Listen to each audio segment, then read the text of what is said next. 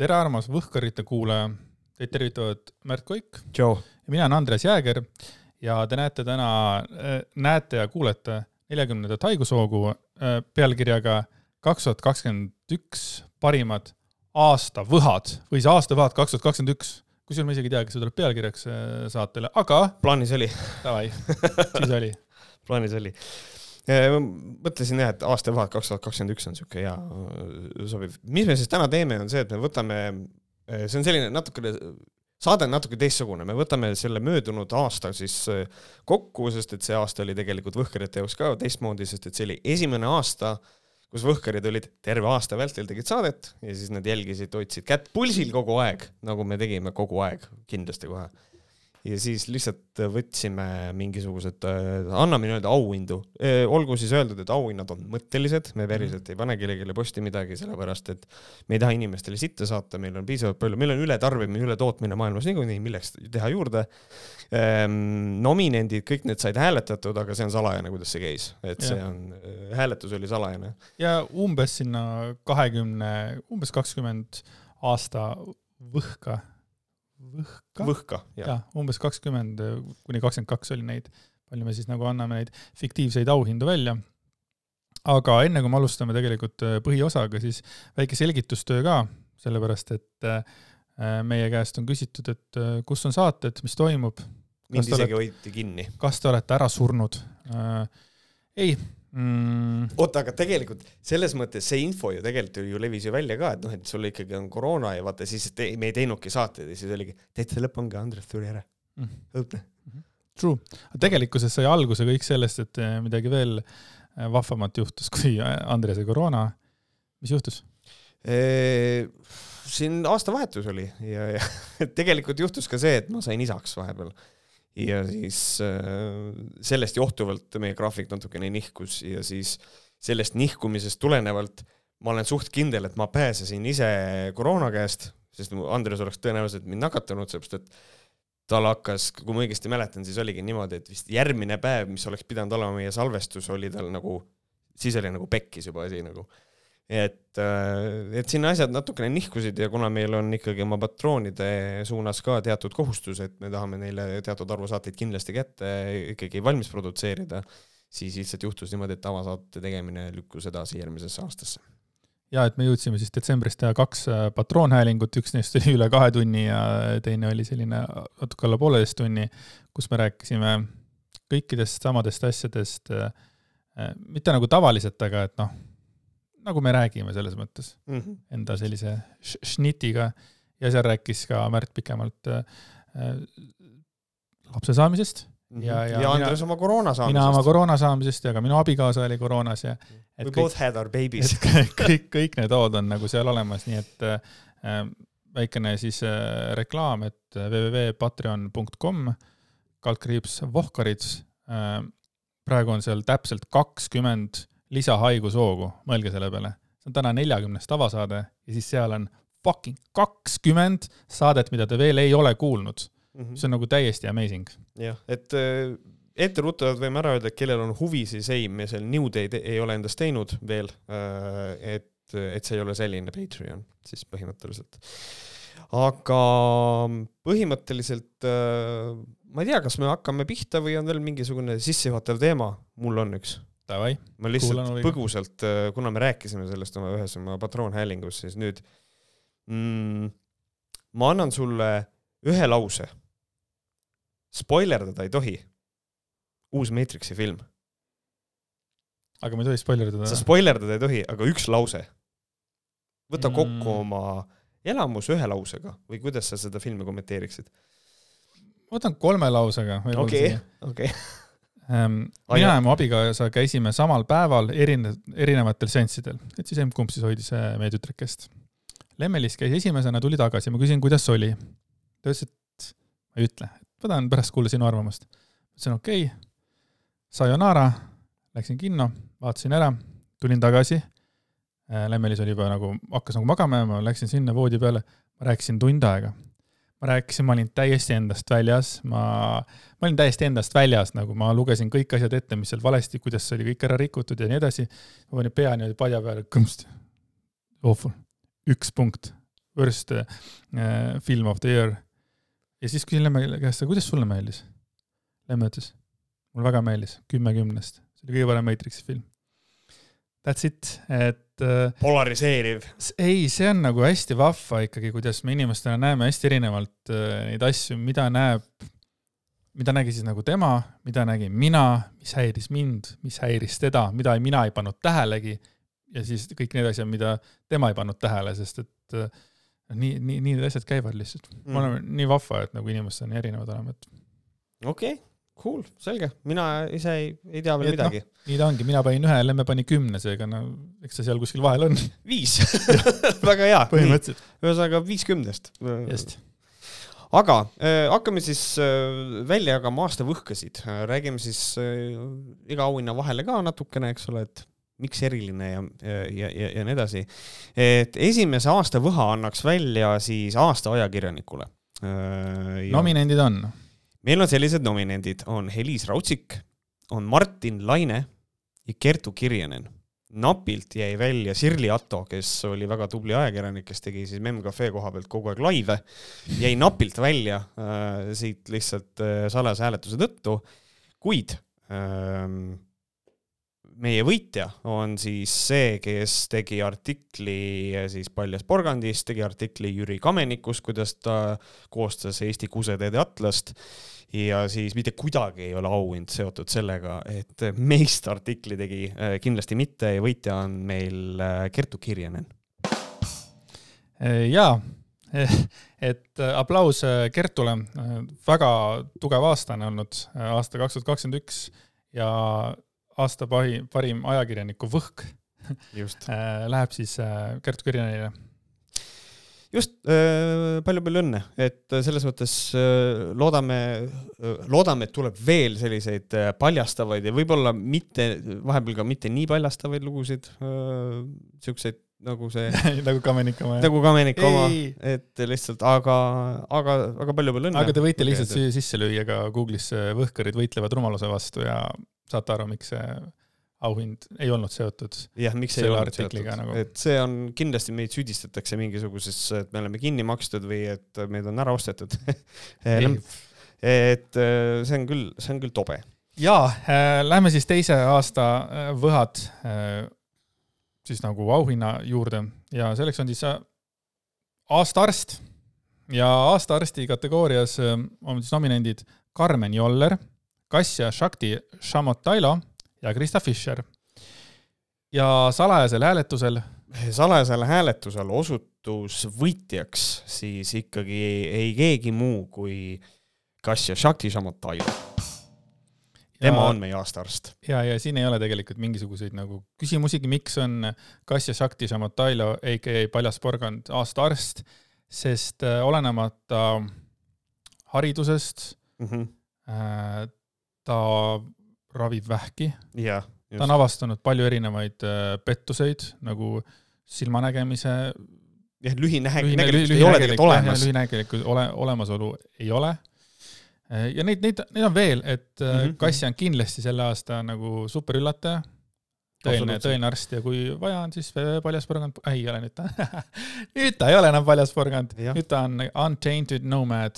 ja untainted rikkumata rändaja. rikkumata rändleja, et leiate üles seda igalt poolt, kui on probleeme, ta on ka psühholoog ja igasugused muud asjad ja mentor ja kõik. jah, igasuguseid siukseid toredaid asju, ma isegi vaatasin, käisin kiirelt tema kodulehel ära, et ta on paljasporgand.ee veel eksisteerib täiesti, aga untantednomad.com on ka ja siis seal on juba olemas, juba link on olemas, shop ka, aga see on mm. veel coming soon, et seal veel asju üleval ei ole. aga peaasjalikult jah, võit ikkagi tuleb nagu selle pealt, et tal ei ole isegi arstiharidust, aga vaadake, kui palju ta suudab ära teha, et Karmen Joller ja Krista Fischer võiks vähemalt järgi jõuda. ja ülejäänud arstid ka, kes isegi siia ei sattunud, et jah, just. Kass ja Shakti Shamot Taila. just, et, et see on tegelikult äh, ikkagi Äh, ikkagi tahaks välja tuua, et Kasia Shakti on selle koha pealt ikkagi väga-väga tubli. Ehm, nüüd pöörduks tagasi korra ajakirjanduse poole mm., et äh, tahaks anda ühe võha välja äh, siis aasta kõige, ma ei oska öelda, kas paremale või aasta kõige huvitavamale või siuksele vahvamale nagu artiklile. ja siin ei ole meil nominente, sellepärast et võitjaid on ainult üks ja siin ei ole nagu mingit küsimust ka, siin ei olnud küsimust et võib-olla keegi mäletab, äh, siis meil äh, Triin Palmipuu äh, ühe vahva artikli lasi välja ja selle artikli pealkiri on Tartu politsei pidas kinni liiklust rikkuva lehma. Ähm, siin noh, siin ei ole lihtsalt, siin ei ole teisi, teisi nominente isegi olemas, sest et see oli esimene ja lihtsalt teine, mitte ükski teine ei kaalunud seda lihtsalt ülesse. kõik geniaalne on, äh, lihtne võiks öelda seda mm -hmm. ja äh, minge siis lööge ilusti Google'isse sisse. Tartu politsei pidas li kinni liiklust rikkuva lehma ja see on tõeliselt hea artikkel äh,. ka Võhkarite Patreonis, me tegelikult rääkisime sellest Patreonis mm, -hmm. nii et võite ka Patreoni minna just. Iga, iga selle kohta, siis minge Patreoni, noh. et, et, et selles mõttes, et tahaks ikkagi nagu, see on maha magatud naljavõimalus, et noh, et, et ma siin ütlesin, et Untainted Nomad juba on, juba on shop olemas, et tegelikult see on nagu rõve küll, kui kogu aeg lükatakse peale, et minge ostke mingit meie asja. muidu sellest rääkides, meil on patreon.com kaldkriips Vohkarid, meie tasuline saade aga nüüd lähme siis ühe meie tähtsama, muidugi noh, ma ei taha nagu hierarhiat teha, eks ole, aga siiski väga tähtis auhind. üks aasta võhkadest eh, on eh, geniaalne sõnatuletis, mille mõtles välja Andreas Jaeger ja selle eh, auhinna nimi on aasta ebastabiil aasta ebastabiil, siis mida see endas kätkeb, on see, et see on auhind sellisele inimesele, kes on käitunud või kas ühel või teisel põhjusel ebastabiilselt. meie eesmärk ei ole kuidagi mõnitada siin mingisugust võib-olla puuet, vaid lihtsalt tähele panna seda, et mismoodi pealtnäha täiesti terve inimene võib olla tohutult ebastabiilne, püsimatu ja lihtsalt tahaks selle koha pealt anda siis inimesele äh, mingisuguse äh, auhinna, noh, et ära märkida, et kuule, sa oled väga aktiivne olnud mm. -hmm. ja siis meil on äh, kolm nominenti, nagu ikka äh,, nominendid on Kris Kala äh,, siis on Paljas porgand või Untainted Nomad või Merilin Taimre või Kasia Shakti Samotailo, üks neist. ja siis otse loomulikult meie juht, meie isa Varro Vooglaid. ja trummipõrina saatel, tee trummi häält Äh, aasta ebastabiil kaks tuhat kakskümmend üks on Kris Kala. jess. Äh, põhjus on väga lihtne, kõigepealt räägime sellest, miks teised ei saanud, et, ähm, et Varro Vooglaid ähm, nominentide hulka ta arvati, aga tegelikult äh, Varro Vooglaid ei ole väga ebastabiilne. mina ütleks vastupidi, ta on väga stabiilne, lihtsalt tema stabiilsus on kuskil mujal, et ta on väga stabiilselt mingisuguste äh, asjade vastu, äh, samal ajal Paljasporgand või siis Undated Nomad, ähm, tema nagu äh, oli natukene ebastabiilsem ikkagi, nimevahetused, nii siis username kui ka päris nimi oli vaja ära vahetada. Ja siis oli vaja, et noh, näiteks ma toon näite, kuidas Varro Vooglaid on stabiilne. nii, meil on apartheid. See koroonapassi näitamine igavene jama, ta on läbi põdenud, tegelikult ta saaks selle koroonapassi teha ja minna rahulikult kohvikusse niimoodi, et ta ei pea läbi peanaha inisema nagu pingviin, aga eh, ta on otsustanud, et ta seisab apartheidi vastu. Ja tema selle kuradi QR-koodiga kaasa ei lähe. Varjas Porgand seevastu käib MyFitnesses, ei ole probleemi, aga siiski meil on apartheid ja meil on tegelikult see, eh, jaotatakse inimesed selle koha pealt natukene ebastabiilne käitumine. aga rääkides ebastabiilsusest, siis äh, Krista Fish Äh, on äh, olnud, võib-olla äh, siin väikene nimekiri asjadest, Andres.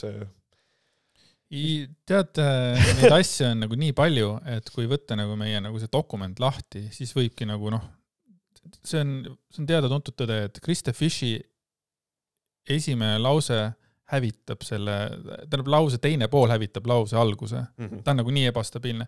aga need teod, mis ta tegi, oli näiteks see, et ta otsustas, et ta paneb kinni äh, oma podcast'i Ausad mehed äh,. ja ta tegi selle mingisuguse mõne päeva või paari nädala pärast lahti, ei mäletagi täpselt mm -hmm.. ühesõnaga siis... lubas, et ta ei tee podcast'i, aga siis mõtles, äh, fuck it, ma teen ikkagi mm. -hmm. siis ta äh, ütles, et tema ei kanna maski ja paar päeva hiljem ta oli äh, siis mask, mask ees meeleavaldusel.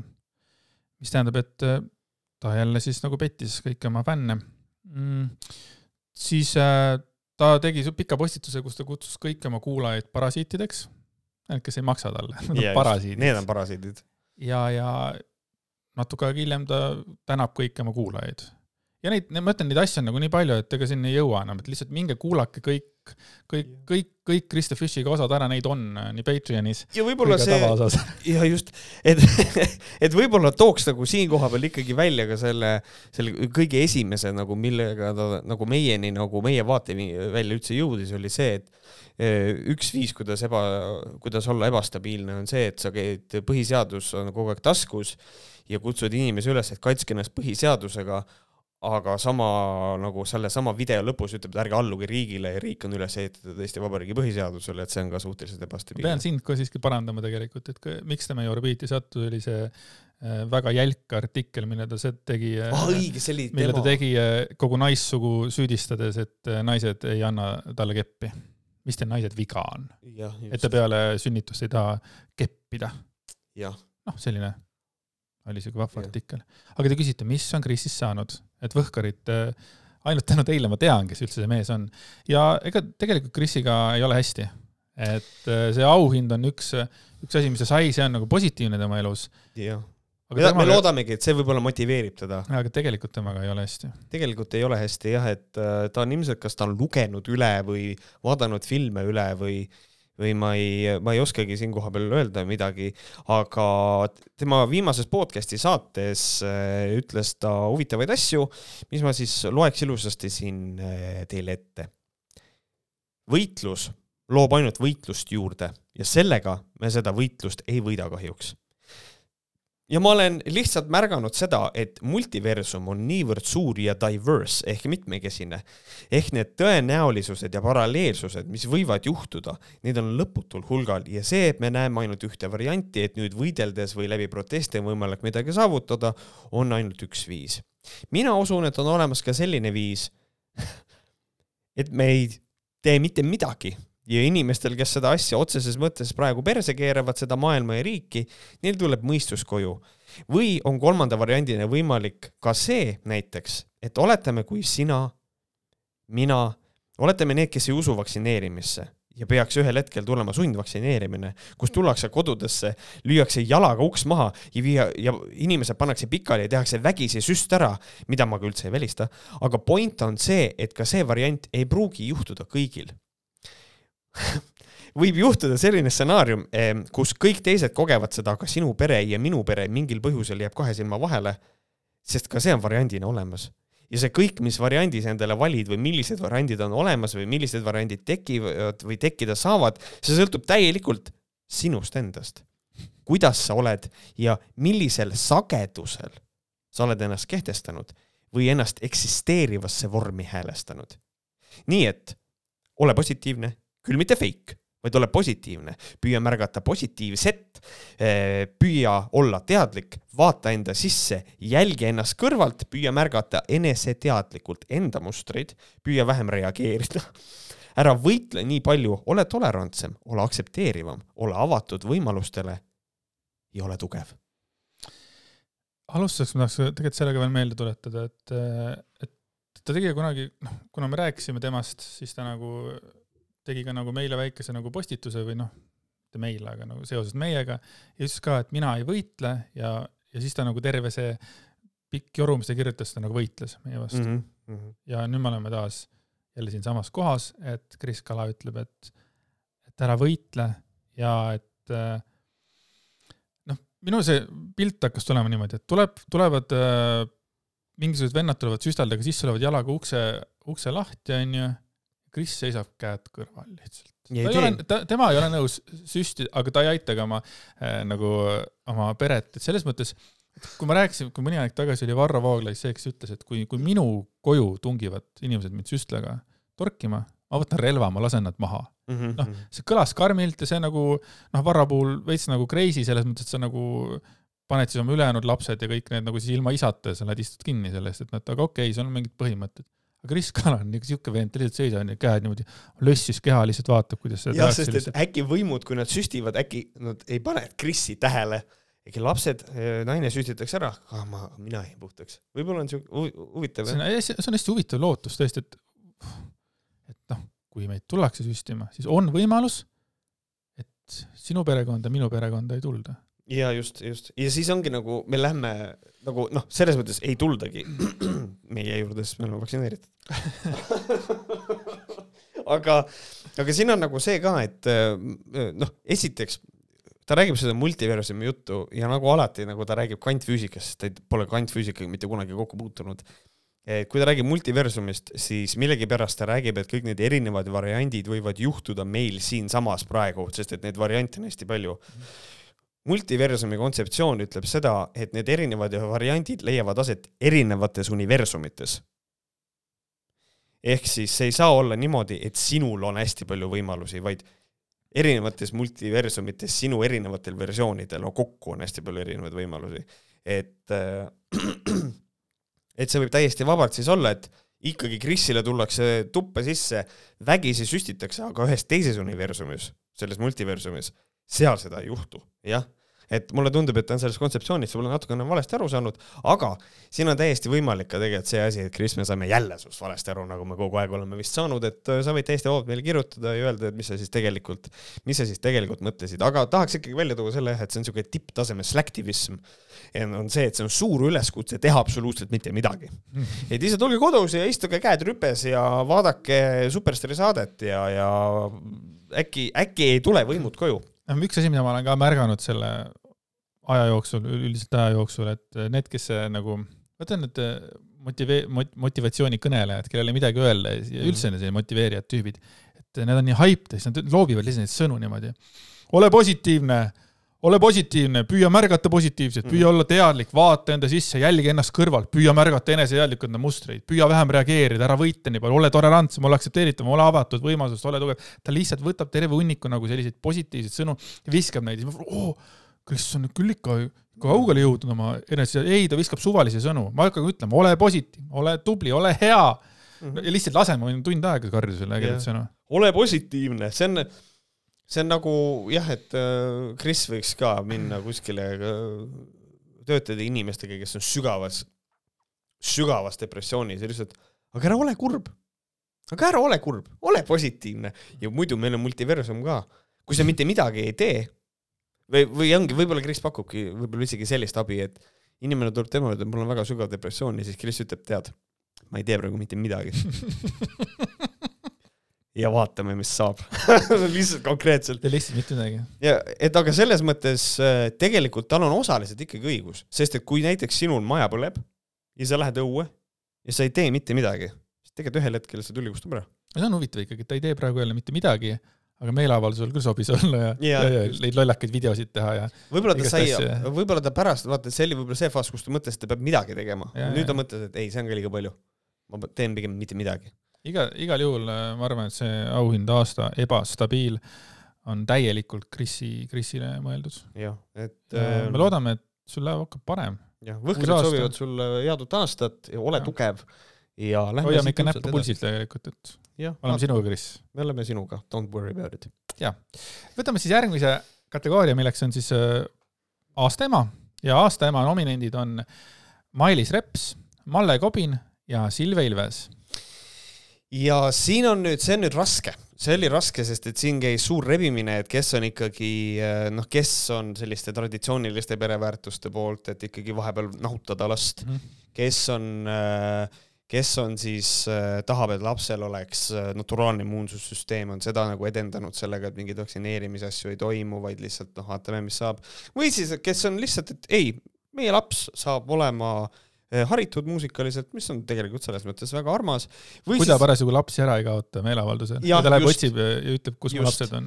et siit tuleb kerge miinus nagu tuli mm. ja tegelikult Malle Kobina puhul see ka, et see tema arusaam sellest, kuidas lastele oma majas erinevaid tube näidata, läks natukene käest ära, sest et ikkagi laps pandi keldrisse kinni mm ja see ei ole tegelikult naljakas. see ei ole tegelikult naljakas. ja noh, ja tuletame meelde, ka Malle Kobin ütles, et see ei ole ka tegelikult võimalik, ta keldrisse kinni panna, sest tal olid moosid seal uh. -huh et ja siis tegelikult öö, otsustasime, et tegelikult on ainult üks variant ja aasta ema öö, siis meie arvates on ei keegi muu kui Mailis Reps. hurraa!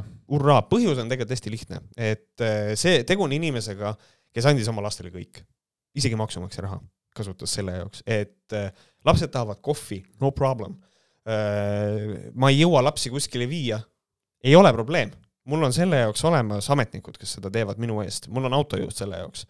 et ta ohverdas oma poliitkarjääri oma laste heaks ja, ja nendel lastel on kõik olemas ja selle koha pealt, no aasta ema, küll, kas poliitik, kindlasti mitte, aga ema rollile, ütlen ausalt, ei ole mul ja seda ma ütlen siiralt, mul ei ole mitte ühtegi etteheidet. aga oled sa mõelnud selle peale, et Mailis Rebane, Rebane oli ka kaval, kes varastas ka kahju et, et, et tegelikult Mailis, ta perekonnanimi ka nagu on tegelikult temaga hästi et... seotud. aga ei, tubli, Mailis äh, Reps, aasta ema, võhk on sinu. jah, just, et äh, võttes arvesse seda, kui sitt ja halb on tegelikult, siis äh, ei ole ühtegi kahtlust, et tegu on, on, on siiski hea emaga mm. -hmm. palju õnne! palju õnne! Ja nüüd, äh, kuna siin sai nüüd räägitud äh, sellisest noh, et emadus on ikkagi üks äh, selline vähemalt konservatiivsete inimeste arvates üks niisugune elu alustalasid, siis lähemegi siit nüüd vundamendi juurde ja räägime, kes on meil selle aasta fundamentalist. kes on kõige karmimalt kinni oma põhimõtetes, mitte ükski argument teda ei veena, ei halb argument ega ka väga hea argument, ei nüüd on nii, nagu mina ütlen, inimene, kes on tugevalt kinni oma dogmades ja siin tegelikult ähm, see nominatsioonid on väga objektiivsed meil, äh, sest et neid on kolm, Varro Vooglaid, Veiko Vihuri ja Markus Järvi ja siin oli, siin oli võist-, võitlus oli ikkagi tugevam kui siin oli väga tugev võitlus jah, sellepärast et siit äh, Veiko Vihuri oma äh, teatud väga noh, võrdlemisi minimaalse sellise avaliku esinemise pärast tegelikult kukkus ära, et selle ütleme kohe ära. küll ta on kirjutanud palju, aga noh, ta oma näoga väga palju ikka reeglina ei esine. ja siis oli kas Markus Järvi või Varro Vooglaid. ja Markus Järvi äh, siis äh, tegelikult äh, peaaegu napsas ära, aga see on nüüd see koht, kus me ütleme, et võitja, aastafundamentalist meie arvates siiski on Varro Vooglaid. et Markus Järvi kukkus ära juba puhtalt sellepärast, et ta on ikkagi natukene liiga agressiivne. Äh, küll see on fundamentalistile omane, aga ma pigem annaksin ikkagi selle inimesele, kes ikkagi igal võimalusel näitab välja oma veendumusi, teda ei lasta Postimehe uksest sisse, ta pühib oma pisarad ja ta teeb kohe laivi et see on, see näitab, et ta on asjadeks valmis, äh, samal ajal kui Markus Järvi on objektiivis, lunib raha kogu aeg et äh, ma ikkagi nagu selle koha peal kiidaks väga Varro Vooglaiu. tee seda Markus Järvi, seda kulmu asja ma, ma, ma ei tea, ma ei, ma ei oska, ma ei ole kunagi seda jälginud. Aga ei olnud üldse kaugel sellest. Et äh, Varrole palju õnne, et oled ka ühte võhka väärt kindlasti. täiesti, Varro, Varro on ekstra, ekstra tänud talle tegelikult selle saate edendamise eest mm, -hmm. sest et kindlasti enda enim mainitud äh, nimi siin Võhkarite podcast'is, see, see ei ole nagu küsimus, ta on nagu pika puuga, ta on nagu kõige rohkem nagu tsiteeritud mm, -hmm. räägitud, austatud ja, ja nii edasi aga lähme võib-olla sellise natuke kehvema auhinna juurde, see, see, seda tegelikult ei ja. tahaks anda, aga tuleb anda, sest et kui me teeme podcast'i, siis tuleb hoida ka nagu äh,, nagu näpp pulsil ka podcast'ide peal. Ja aasta halvim taskuhääling. ja nominendid on Ausad mehed podcast, Polaargast Polaargast, Polaargast ja Telegrami podcast. ja napilt jäid välja Võhkarid äh, siin sarnasel hääletusel napilt kukkusid välja, et, et küll oli etteheide, et on väga kallutatud saade. ja endale on natuke nõme auhinda anda ja, ka tegelikult. just, eriti kui see on negatiivne. ja tegelikult see kolmas koht oli üsnagi nagu kindel, et nendest kolmest siiski Telegrami podcast väärib kolmandat kohta, et, et ta on siiski noh, selles mõttes nagu parem. jah ja siis ongi küsimus, kas ausad mehed podcast või Polarcast ja siin oli meie komitee istus pikalt maas mm, -hmm. ta arutas läbi kõik asjad, kas panna nagu auhind siis ühele mehele, ühele mehele, kes räägib äh, täiesti segast juttu või anda auhind. ja väidab, et ta on mitmuses. jaa just. või anda auhind äh, kahele inimesele, kes räägivad täiesti segast juttu. ja mm siin ei olnud tegelikult lõpus enam küsimust, kui viimased punktid olid loetud ja. üks pluss üks on ikkagi kaks. just täiesti. aasta halvim taskuhääling võitja on Polaarcast. just, palju õnne palju õnne! palju õnne, just nimelt siis sellepärast ongi, et ikkagi äh, kui on võetud äh, Kasia Shakti Šamatailo ja, ja ma tahtsin Priit Pedajas öelda äh, ja, ja, ja Kris Kala ja need on pandud omavahel kokku, teevad ühte podcast'i, siis see on tase see on tase. see on tase. see on tõeliselt äh, vahva ja kindlasti aasta halvim taskuhääling ja keegi ei tunne puudust, et nad lõpetasid. jah, just. ja, ja siit, kui te tunnete, kui nüüd Polarcast, kui näiteks Kassisjakti tunneb, et see ei ole aus auhind, siis kasutades tema enda sõnu, äh, siis tegelikult see auhind on vaja äh, embrace ida ja siis sa lihtsalt release'id selle. et see, see on hästi lihtne mm. -hmm. aga äh, nüüd tuleb järgmine auhind ähm, mis on selline noh, natukene eelmisega sarnane, aga me võtame ette lihtsalt sellised äh, üldise Eesti kultuurilise nähtuse nagu Onu Heino. ja anname välja võha, mille peale on graveeritud sisse aasta Heino. Ähm, tuleb ära mainida, et äh, meil on siin äh, kolm nominenti, nagu ikka, kel, kus on kaks mehe nime ja üks naise nimi, aga naisi on tegelikult kaks ja mhm. mehi üks. ja nominendid on Monika Helme, Kalle Grünthal ja Gert Kingo. ja juhuslikult on nad kõik EKRE-st.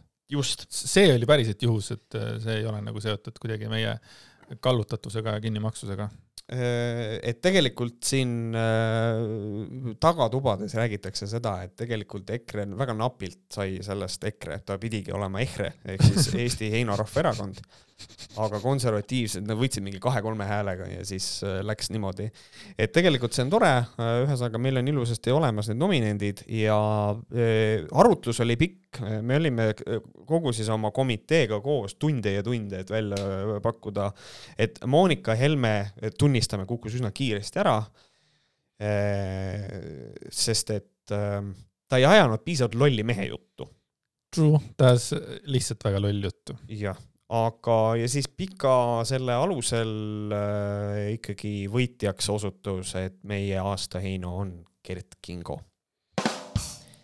ei ole midagi öelda, üks tema suurimaid äh, pläkke oli see, kuidas ta ründas äh, meie presidenti, kui president tuli äh, rattasõidult ja ta nägu oli veitsa must mm -hmm. ja ta lihtsalt lendas sellele kaela ja, ja etteheide oli see, et meil on ikkagi naispresident ja kuidas ta saab seda endale lubada ja siis mõnda aega hiljem või enne oli see, vahet ei ole, point on sama, rääkis seda, et kedagi EKRE-st on rünnatud, sest et ta on naine.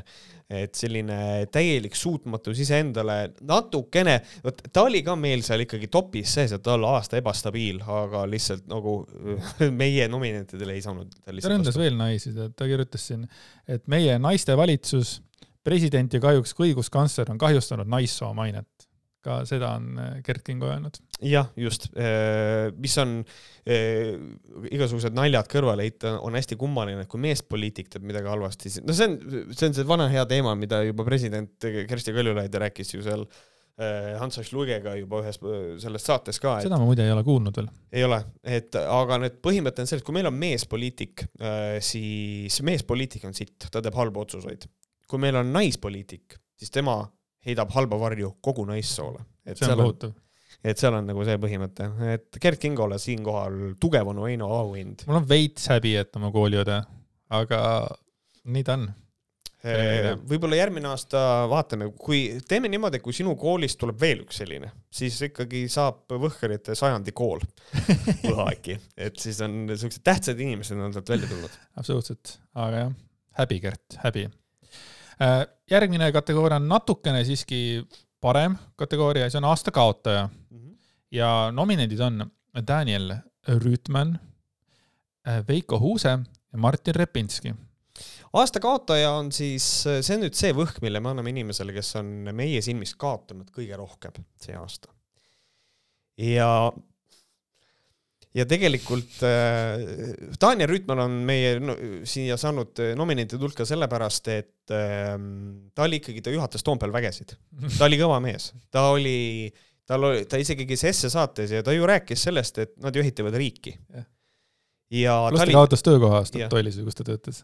Circle K-s. ja just, ja siis, ja, ja mis siis juhtus, oli see, et tulid kohalikud äh, need omavalitsuse valimised ja häältesaak oli kesine, kesine, kui me, me oleme praegu väga positiivsed, kesine oli see, ma isegi kasutaks U-tähte ehm,.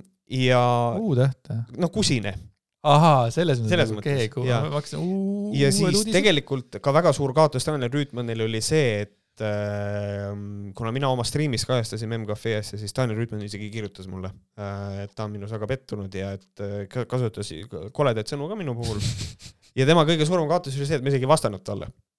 et see on ka teatud. sa tunned ennast natuke rohkem mehena nüüd um,? Uh, I have a raging boner uh,. et selles mõttes jah uh,. ja siis on meie nimekirjas Veiko Huuse, kes põhimõtteliselt samamoodi uh,, noh, tema isegi ei läinud üldse hääli püüdma andis juba eelnevalt alla. ja siis Martin Repinski on sellepärast, et kunagi ikkagi olnud minister uh, küll aga lühikest aega poliitik ja nüüd taksojuht, et ka see kaotus mõnes mõttes nagu lihtsa inimese jaoks on see kaotus kuid peale pikka kõikide andmete ülevaatamist siis Võhkarid ütlevad seda, et aasta kaotaja kaks tuhat kakskümmend üks Võhkarite arvates on ei keegi muu kui Veiko Huuse. palju õnne, Veiko, kus iganes sa ka ei ole, kus iganes sa ka ei viibi. just. Veiko on kadunud. Fucking see tüüp on kadunud mingi fucking kuu aega või kaks või? täitsa kadunud. see on ka põhjus, miks ta tegelikult võitis selle auhinna, on see, et äh, ta on kõige suurem kaotaja, sest et ta ka-, ta suutis ennast ise ära kaotada. lõplikult nagu. et ta lihtsalt kadus, kõik Facebooki kontod, mis olid, on pandud kinni, kui kuulujutud vastavad tõele, siis tal on isegi vist äh, probleeme vist oma elukaaslasega, mis oleks tegelikult väga suur kaotus, sest tal on neid kuus äh,. kõikide nimi on Annika Urm äh, ja et, ja et väidetavalt otsis üürikorterit, ma ei tea, kas see vastab tõele, kuskil Uhu grupis sellest nii-öelda räägiti, aga kui see ei ole tõsi, siis see ei ole tõsi, kuid siiski ennast ära kaotada, see teeb sind automaatselt ka aasta kaotajaks, et selles mõttes tubli. et selles mõttes ta, ma, me, ma isegi kaalusin talle anda eraldi auhinna, et aasta mustkunstnik, et ta suutis ennast ära kaotada aga ma teisi nominente lihtsalt ei olnud suuteline leidma ja siis jäi ta siia kaotajate hulka. kes see trikimees oli? Jürgen Weber. Jürgen Weber on ka kadunud, põhimõtteliselt tema on viimase kahekümne aasta kaotaja. äkki nad on äh, samas kohas Võrus otsivad korterit. otsivad korterit kuskil. ei, aga jaa, Veiko, kus iganes sa ka oled, tervitused sulle ja aasta Just. kaotaja tiitel on sinu. või kui sa otsid Tartaaria riiki praegu, ma loodan, et sa leiad selle. nüüd tuleb üks äh, kategooria, mille noh, esialgne nimetus oli hoopis teistsugune, selle alguses oli ta nimi aasta naisepeksja, siis ta muutus aasta peksjaks ja nüüd on temast saanud tegelikult aasta kõva mees mm. -hmm. ja aasta kõva mees kaks tuhat kakskümmend üks nominendid on Justin Leo mm, -hmm. Uudo Sepp ja see vahva või siis äh, mitte nii vahva Go Bussi Tartu bussijuht, see on siis seesama tüüp, kes äh, ründas reformierakondlasi Tartus just. lihtsalt hüppas kallale neile, hakkas taguma. nimi on, need on isiklikud andmed ja siis me ei saa neid avalikustada, mhm. mis ta nimi on äh,. aga siin oli tegelikult see Kaubassi asi üsna ruttu meil kukkus ära topist, sellepärast et see oli üks juhtum, äh, mis ei olnud väga markantne, sellepärast et äh, lõppkokkuvõttes ega ta seal väga äh, suuresti seal peksuks ei läinud. Ähm, ja see tuli tegelikult üsna kiiresti, et aasta kõvamees kaks tuhat kakskümmend üks on ei keegi muu kui Justin Leo. ja noh, lihtsalt sellepärast, et lihtsalt äh, tegu on ju äh, ikkagi kõva mehega, et ta näitab oma six-pack'i ja ta on, äh, surub naistele munni näkku ja ta on niisugune kõva mees. ma sain aru, et meile isegi laekus info, et aga mudib kõvaks natukene, enne kui läheb mhm. naistele seda näkku suruma, juba see on noh, siis ta on niisugune poolkõva onju, aga, aga see selleks, aga minu jaoks ei kirjelda nagu kõva meest mitte ükski asi paremini kui see, et kui asjad tuliseks lähevad, siis sa tõmbad nahhui ja Justin Leo oli see, kes põrutas kiiruga ära siit. Äh, kõva mehe tunnusmärk on ka see, et sa tegelikult äh, tapad kasse. jah, või viid või viid nad jah, viid nad surema ja kindlasti võiks ka mõne obaduse anda oma kaasale, äh, siis ka teha sõnadega haiget, vaimselt manipuleerida, kõik need, et see on kõva mehe tunnus ja aasta kõva mees, kaks tuhat kakskümmend üks, Justin Leo. palju õnne! jah, eat shit. nii, järgmine. järgmine kategooria. siin järgmise kategooriaga oli natukene probleeme, aga see on aasta jonnipunn ja aasta jonnipunni nominendid on meil Elvis, Elvis Brouer, Kris Kala ja Varro Vooglaid. kolm nominenti. Kris Kala juba sai mainitud, sai auhinna ebastabiilne ja kukkus ära just nimelt sellepärast, et, et me ei ole võimelised aru saama, kas tegu on jonniga või päris ebastabiilsusega ja kuna ta nagu ebastabiilne oli, siis selline nagu meiepoolne otsus see auhind talle anda ja siis ta kukkus siit ära äh, Varro Vooglaid äh, tegelikult, kas tegu on jonniga? Äh, absoluutselt, sada protsenti, täielik jonnipunn. aga ta oli kindel võitja kuni ühe hetkeni. ja see oli see hetk, kui lihtsalt ühes kohvikus süstemaatiliselt ei kontrollitud Covidi passi ja siis see tõi välja sellise jonni, et, et isegi Varro otsustas talle hakata raha koguma ja meie võitja, aasta jonnipunn on Elvis Brouer. tubli töö, Elvis, palju õnne! suur, suur, suur, suur rõõm on anda see auhind sulle üle niimoodi mõtteliselt. ka aasta tegelikult uustulija, tegelikult seda meil ei ole siin, aga aasta tuli, uustulija auhind võiks ka olla tegelikult ja, Elvis küll. Broueri oma, sellepärast et ei teadnud temast äh, laiem üldsus mitte midagi enne, kui kui ei tehtud, eh, kui ei tehtud Eesti politseiga seda ristturunduse asja, et Just. äh, väikene valimisreklaam ja kõik see, et selles mõttes ja, ja tuntud ka kui meditsiinitöötajate hirm, sest et Elvis tuleb, näitab näpuga ja ütleb, sina astutad. Läheb karjub lihtsalt äh, arstide peale. jah, ja, ja, ja tegu on ka väga tubli jalgpalluriga, kes äh, noh, aga see on ajalugu, see on talle praegusel hetkel keegi. see ka selles mõttes, et kui keegi midagi talle halvasti ütleb, siis ta kutsub kohe teda, et tule teeme kuradi ringi, tule minuga mm -hmm. ringi, et, et jonnipunnikene. ikka natukene jonnipunn. see on nagu võta need käed rauad ära, ma olen kaks kuud MM-as käinud. et see on nagu ikkagi jah, natuke jonnipunni tunnus, aga äh, räägime siis Elvis Brouerist võib-olla väikse loo ka äh, natukene juurde, et mida siis on Elvis Brouer korda saatnud Äh, et viimane uudis, mis ütleb Elvis Broueri kohta, on see, et detsembri alguses ütles Terviseamet Brouerile, et kaks kuud kohviku juures korra tagamist läheb kokku maksma ligi kolmkümmend viis tuhat eurot. aasta viimasel päeval teavitas amet aga Brouerit, et summa on tõusnud seitsmekümne ühe tuhande neljasaja seitsmekümne kahe euro peale. reaalsuses võib summa kujuneda siiski väiksemaks, kuna mõnedel päevadel tagab ettekirjutust kaks turvameest, teistel päevadel neli ja selle koha pealt ma tahakski kohe nagu ära mainida selle, et see on ikkagi üle seitsmekümne tuhande, et et isegi kui see väiksemaks läheb, et äh, Varro Vooglaid kogus talle kokku mingi, kas see oli kuuskümmend viis tonni või midagi siukest, nagu päris suure summa. muidugi see on õiguskulude ka nagu katteks, mis tähendab seda, et see ei tähenda seda, et Elvis Braueril oleks raha koos, et see trahv ära maksta. kuuskümmend viis tuhat äh, ükssada seitseteist eurot. kuuskümmend viis tuhat ükssada seitsekümmend, vaata, aga siis ongi see, et kuna me oleme sellest põgusalt äh, selle teemaga rääkinud, et minu kindel arusaam ongi see, et see raha, mida Varro kogus, ei lähe trahvi või selle arve maksmiseks, vaid õiguskulude kaitseks. et noh, tegelikult seda, Elvis seda raha ilmselt üldse. jah, aga nalja teeb mulle nagu see, et äh, kui Elvis peab selle raha ära maksma ja kui Varro selle raha ikkagi annab Elvisele, et no maksake oma trahvid kõigepealt ära, et siis vaatame edasi. et siis on hästi naljakas see, et need inimesed, kes vihkavad Eesti riiki ja kõike sellega, need annetasid siis nagu Elvise kaitseks raha mm, -hmm. Elvis maksab siis selle nendele, keda nad siis nagu vihkavad. see on nagu, see on väga naljakas minu arvates. et äh, nagu, nagu ma siia kirjutan ka, et äh, et on hilarious, et tavainimesed, kes vihkavad seda riiki, peavad kinni maksma ühe jonnipunni kapriisid ja see on, see on, see on tegelikult hästi tore, aga see näitab ka sellest mõnes mõttes sihukest massipsühhoosi, et tegelikult mulle tehakse liiga ja mulle meeldib see ka, et sellest räägitakse kogu aeg, et meil kotitakse siin ainult ühte kohvikut.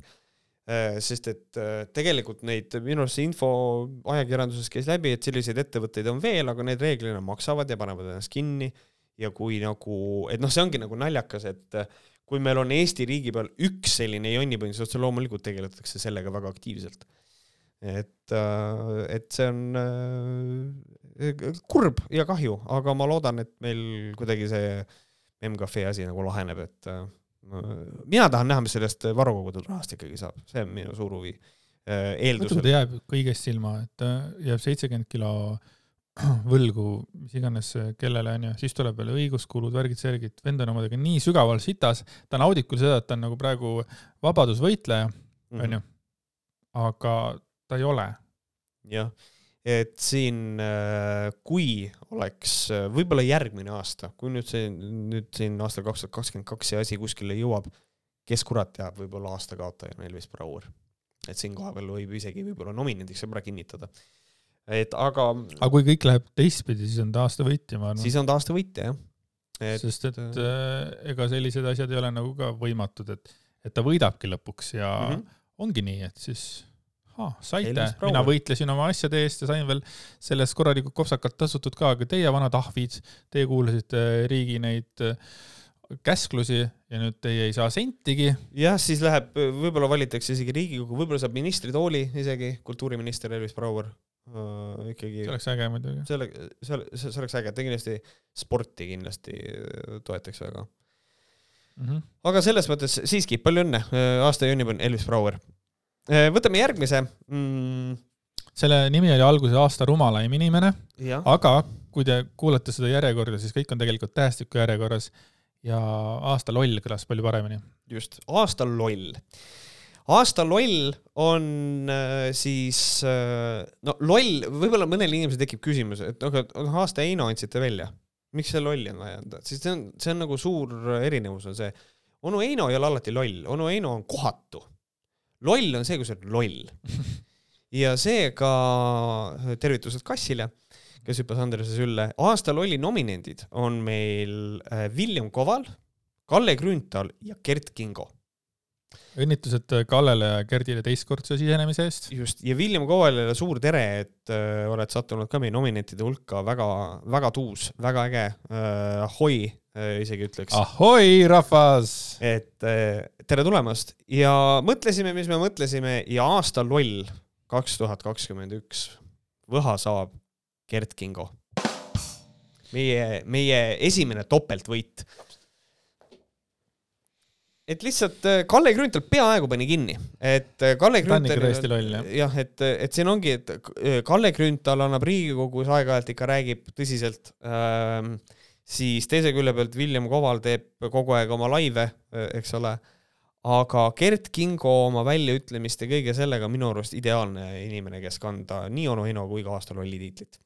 kui ka aasta ebakompetentsus ja kõik asjad, noh, see lähebki sinna alla, et jah ja,, palju õnne, Gert. Selles on süüdi muidugi tema haridusasutus, äh, mida on ka siin saates väga tugevalt näha. täiesti võtan selle süü omaks. nii, aasta pettumus. aasta pettumus on selline vahva kategooria, kus on kolm väga huvitavat äh, nominenti. esiteks on nominent äh, madal vaktsineeritus, teine on siis valeuudiste massiline levik ja kolmas on Kaja Kallase valitsus. Ähm, ütleme, et üks osapool siit Võhkaritest pani kohe selle noh, võitja kirja ja ta arvas, et teine pool ei ole sellega nõus mm. -hmm. ja siis meil oli niisugune kakskümmend neli, kakskümmend viis tundi arutelusid mis on nagu äh, suurem pettumus, kas see, et vaktsineeritus on madal ikka veel, kas see tekitab meis nagu ängi või kurba meelt, valeuudiste massiline levik. oleks võinud võita, aga kuna see on toimunud juba aastaid, aastaid, aastaid ja see ei ole mingisugune pettumus enam, see on nagu tava, tavaline osa meie elust. ja mis on tegelikult, mis on tegelikult täiesti kohutav. jah, see on väga kohutav kass kass lükkas kaamera. ja Kaja Kallase valitsus ja ega olegi nagu ütleme välja siis, võitja on Kaja Kallase valitsus just, ja põhjus on hästi lihtne, et me võime rääkida madalast vaktsineeritusest, me võime rääkida valeuudiste massilisest levikust, kuid need kõik lähevad tegelikult selle Kaja Kallase valitsuse vihmavarju alla. ja see on ka põhjus, miks tegelikult see on see meie suur pettumus tegelikult. et Äh, Kaja Kallase valitsusele etteheiteid on otse loomulikult äh, klassikaline asi, mida praegusel hetkel ma kujutan ette, kuna Kaja Kallase PR meeskonda vist ei ole olemas, Kaja Kallas ütles, aga kuidas te siis paremini teete? ikka veel ei ole olemas. Just, et siis, äh, et nagu, aga põhiline probleem ongi, et selline valitsuses ähm, väga, väga küsitavad väljaütlemised, et noh, et näiteks minu kõige suurem probleem ikkagi aastavahetusel kaotati ära piirangud ja siis Tanel Kiik on see, kes ütleb äh, mõnda aega enne aastavahetust, et on väga oluline, et kõik ikkagi reeglitest kinni peaksid. Ja siis tekib küsimus, aga miks sa need, miks te need siis aastavahetusel ära kaotasite? ja siis sinna juurde tuleb veel see, et äh, sotside ridadest äh, tuleb Natali Mets, kes ütleb seda, et aastavahetusel toetage kohalikku kultuurielu ja minge peole Natali on mu kooliõde ja ma olen nagu hoian kahe käega peas kinni, ütlen, mida vittu te teete, kas te saate nagu kuidagi omavahel, ma saan aru, sotsid on opositsioonis ja Natali teeb mida iganes ta üldse teeb, eks ole. ja siis mul tekibki lihtsalt nagu see küsimus, et kas meil võiks olla mingisugune üksmeel vähemalt nagu maailmavaateliselt nagu sarnaste inimeste suhtes. ja siis mul ongi lihtsalt see, you know what, fuck you, ma olen sügavalt pettunud ja ma ei tea. minu suurim probleem on sellega, et äh, puudub nagu liider ja, ja Kaja Kallas nagu peaministrina ei suuda ohjata seda sita käkki, mis tema ümber on sinna tekkinud või ise ta on selle tekitanud, ütleme, et, et see on minu jaoks nagu kõige suurem probleem, et mm -hmm. et siuksed selgesõnalised asjad ja, ja väga palju lolle otsuseid, üks loll otsus saab teist taga nagu tegelikult ka, siin tekivad juba, tekib juba mul ka nagu päris suur nagu küsimärk, et mida vittu mm. -hmm noh, ükskõik millest me räägime, ka juba selle vaktsineerimisega, kui sa juba vähendavad neid ja. aasta pealt üheksa kuu peale neid mingeid passi asju, et nagu mida vittu või siis äh, teadusnõukoja laialisaatmine, et teadusnõukoda, et seal ei olnud nagu mingit läbirääkimist, vaid teadusnõukoda saadeti laiali niimoodi, et minister, nagu Tanel Kiik ei teadnud seda ja siis äh, järsku saavad äh, nagu, kas see oli Lutsar, kelle käest küsiti, et noh, et kas see vastab tõele, et te siis olete väsinud, ma ei tea, ma ise niimoodi ei ütleks mm. -hmm et äh, tekib lihtsalt väga suur küsimus, et selles mõttes, kui keegi tahab meile ette heita, et me oleme väga kallutatud kogu aeg Kaja Kallase poole, siis tegelikult ega ei ole küll, et selles mõttes kriitikat jõuab tema suunas ka mm. -hmm. aga läheme midagi lõbusama asja peale ja aasta stripartist ja nominendid on The Dream Givers tripigrupp, Marko Tasane ja Rasmus Klaos. Pikka juttu ei ole, võitja on Marko Tasane Lähme edasi. Lähme edasi, Marko Tasane, palju õnne. Äh, ja nüüd tuleb väga oluline auhind meile endale. Äh, see on aasta suurim panus võhkaritesse. Äh, siin oli nimekiri oli väga pikk. ja lõpuks jäid sõela peale meie legendaarsed Paljas Porgand, Silvia Ilves ja Varro Vooglaid. Silvia Ilves on pakkunud meile väga palju kõneainet, Varro Paljas Porgand ka, aga siin kohapeal oli vaja ausalt vaadata otsa ka sellele, milline mõju on olnud sellel, nendel inimestel meie saatele ja siin kohapeal tahaks täiesti siiralt anda selle auhinna tegelikult ikkagi kellegi muu kui Paljas Porgand, palju õnne. ja Kassi Shakti Shamattailo või siis jah, Untainted Nomad nüüd. Untainted Nomadi panus võhkaritesse on pöörane mm -hmm. ja me loodame, et ka tulevikus meie koostöö jätkub. jah, et noh, tegelikult äh, siiski tuleb tunnistada, et selle Palja porgandi äh, selline esimene, see oli meie esimene siuke hittsaade ja, ja me ei oleks saanud seda teha ilma, ilma kassjata, et suur tänu sulle, et sa oled olemas ja, ja pane hullu, siis on teistel palju tööd. jah, aitäh. aasta šovinist äh, Võhk. Nominendid on siis Kevin Kadakas, Sander Leppnurm ja Anti Poolamets väga palju vahvaid äh, noormehi ja vanemaid härrasmehi, aga võitjaks äh, tuli ühehäälselt äh, poissmeeste peo osaline Kevin Kadakas, kes on ähm,, ma, ei leia isegi sõnu. ta on nii aasta šovinist, kui saab olla, et jah, pluss veel rassist ja kõik ülejäänud asjad. mingisuguse kummalise kivi alt see mees välja roomas, meie võhk läheb talle, võitja on Kevin Kadakas, palju-palju õnne ja siin. ära nii jätka. ära, ära nii jätka. Äh, see ei ole, see ei ole võhk, mida sa tahad endale saada. siis äh, jätkame kultuuriteemadel, kuna me juba siin telesaatetest hakkasime rääkima, siis lähme võib-olla sügavama kultuuri peale, võtame oma järgmise võha, see on aasta tšellist aasta tšellist siis täpselt nii, läheb see tšellomängijale, nominendid on meil Silvia Ilves, siis Andreas Lend ja Margus Uus. ja noh, kõige kuulsam tšellist kindlasti on ju ikkagi Silvia Ilves. aga kas ta on aasta tšellist? no ma tahaks öelda, et on, aga no siiski tegelikult võitja aasta tšellist on Andreas Lend. palju õnne! palju õnne! rahvuse, Rahvusooper Estonia tšellist, osaleb keel, keelpilli kvartetis Prezioso ning ansamblis Estonian Cello Ensemble ja on võitnud karjääri jooksul hunnik preemiaid ja tunnustusi. ja nüüd kõige suurem preemia tunnustus on nüüd üle antud talle siin, mis on äh, siis meie võhk. et just. Äh, väga tubli. palju õnne, Andreas, väga ilus nimi. just, e, ja võib-olla mõned küsivad, aga miks Silvia Ilves ei saanud, Silvia Ilves ei saanud seda sellepärast, et ikkagi selle aasta lõikes ei ole ta tuntud kui tšellist, vaid kui noh, ühesõnaga lähme edasi, et natukene teine nagu teine asi. ja nüüd tuleb äh, jällegi kultuuri vallas äh, tuleb siin väikene auhind välja anda. Äh, aasta ulmekirjanik. Ja siin kohapeal on siis tuntud nominendid, on Indrek Hargla, Maniakkide tänav ja Andero Pebre. Ja ilma pikema jututa, te olete kindlasti kuulanud Võhkarite podcast'i, me oleme tema seda fiction'it siin lugenud ka, see on põnev, see on arusaamatu, see on sürreaalne, see on loll see on, küll võib öelda seda, et natukene liiga palju võib-olla teistest filmidest, asjadest on võetud šnitti, et on aru saada, et on väga mõjutatud. Ähm, et soovitaks Anderol võib-olla midagi ise juurde mõelda, aga võitjaks ta, ta tuli, et palju õnne, aasta ulmekirjanik kaks tuhat kakskümmend üks meie arvates on Andero Pebre. jah, palju õnne, Andero, tervitused. Äh, võtame siis aasta vabadusvõitleja äh, nominendid Elvis Brouer, Sandra Nurmsalu, Daniel Rüütmann on sul midagi öelda nominentide, nominentide kohta? nominentide kohta öelda on nagu seda, et Daniel Rüütmani puhul äh, kindlasti äh, ütleme võitja ära, et meie võitja ikkagi, aasta vabadusvõitleja meie arvates äh,, meie, see on nüüd teine kord, kus me anname auhinna juba mm, -hmm. juba teist korda samale inimesele ja see on Elvis Brouer mm. -hmm. et tegu on ikkagi nii-öelda tihtipeale, kas me võime öelda tema kohta, kuna ta kutsub kõiki nagu catch ima ka, eks ole, ta on valmis nagu, ta on samal ajal vabadusvõitleja ja ka vabavõitleja, et siis tegelikult tahaks ikkagi ilusasti äh, öelda seda, et nagu tema võitleb päriselt. Äh, Tanel Rüütmann üritas teha poliitiliselt seda. ja kukkus läbi jaledalt. ja, ja, ja kukkus läbi. Sandra Nurmsalu põhimõtteliselt laulab ainult. all, alle A, alle A, et selles mõttes meil on laulev revolutsioon on läbi, meil on praegu rusikaid vaja ja Elvis on see, kes seda asja edendab, et suur kiitus Elvisele selle koha peal. et jonnipunn, aga ka vabadusvõitleja. ja, ja kui ta on jonnipunn ja vabadusvõitleja, vaata kui hea, kui vabadusvõitluses ta lüüakse pikali, tõuseb kohe uuesti püsti. jah, ja nii ongi. ja ma arvan, et tõusebki uh,. järgmine kategooria, aasta Veiko Huuse naine. nominendid on Annika Urm, Annika Urm, Annika Urm, Annika Urm, Annika Urm ja Annika Urm. just, et siin kohapeal tegelikult on nominente mitte siis kolm, vaid kuus, äh, sest et äh, tahtsime, et kõik Veiko naised saaks ära mainitud.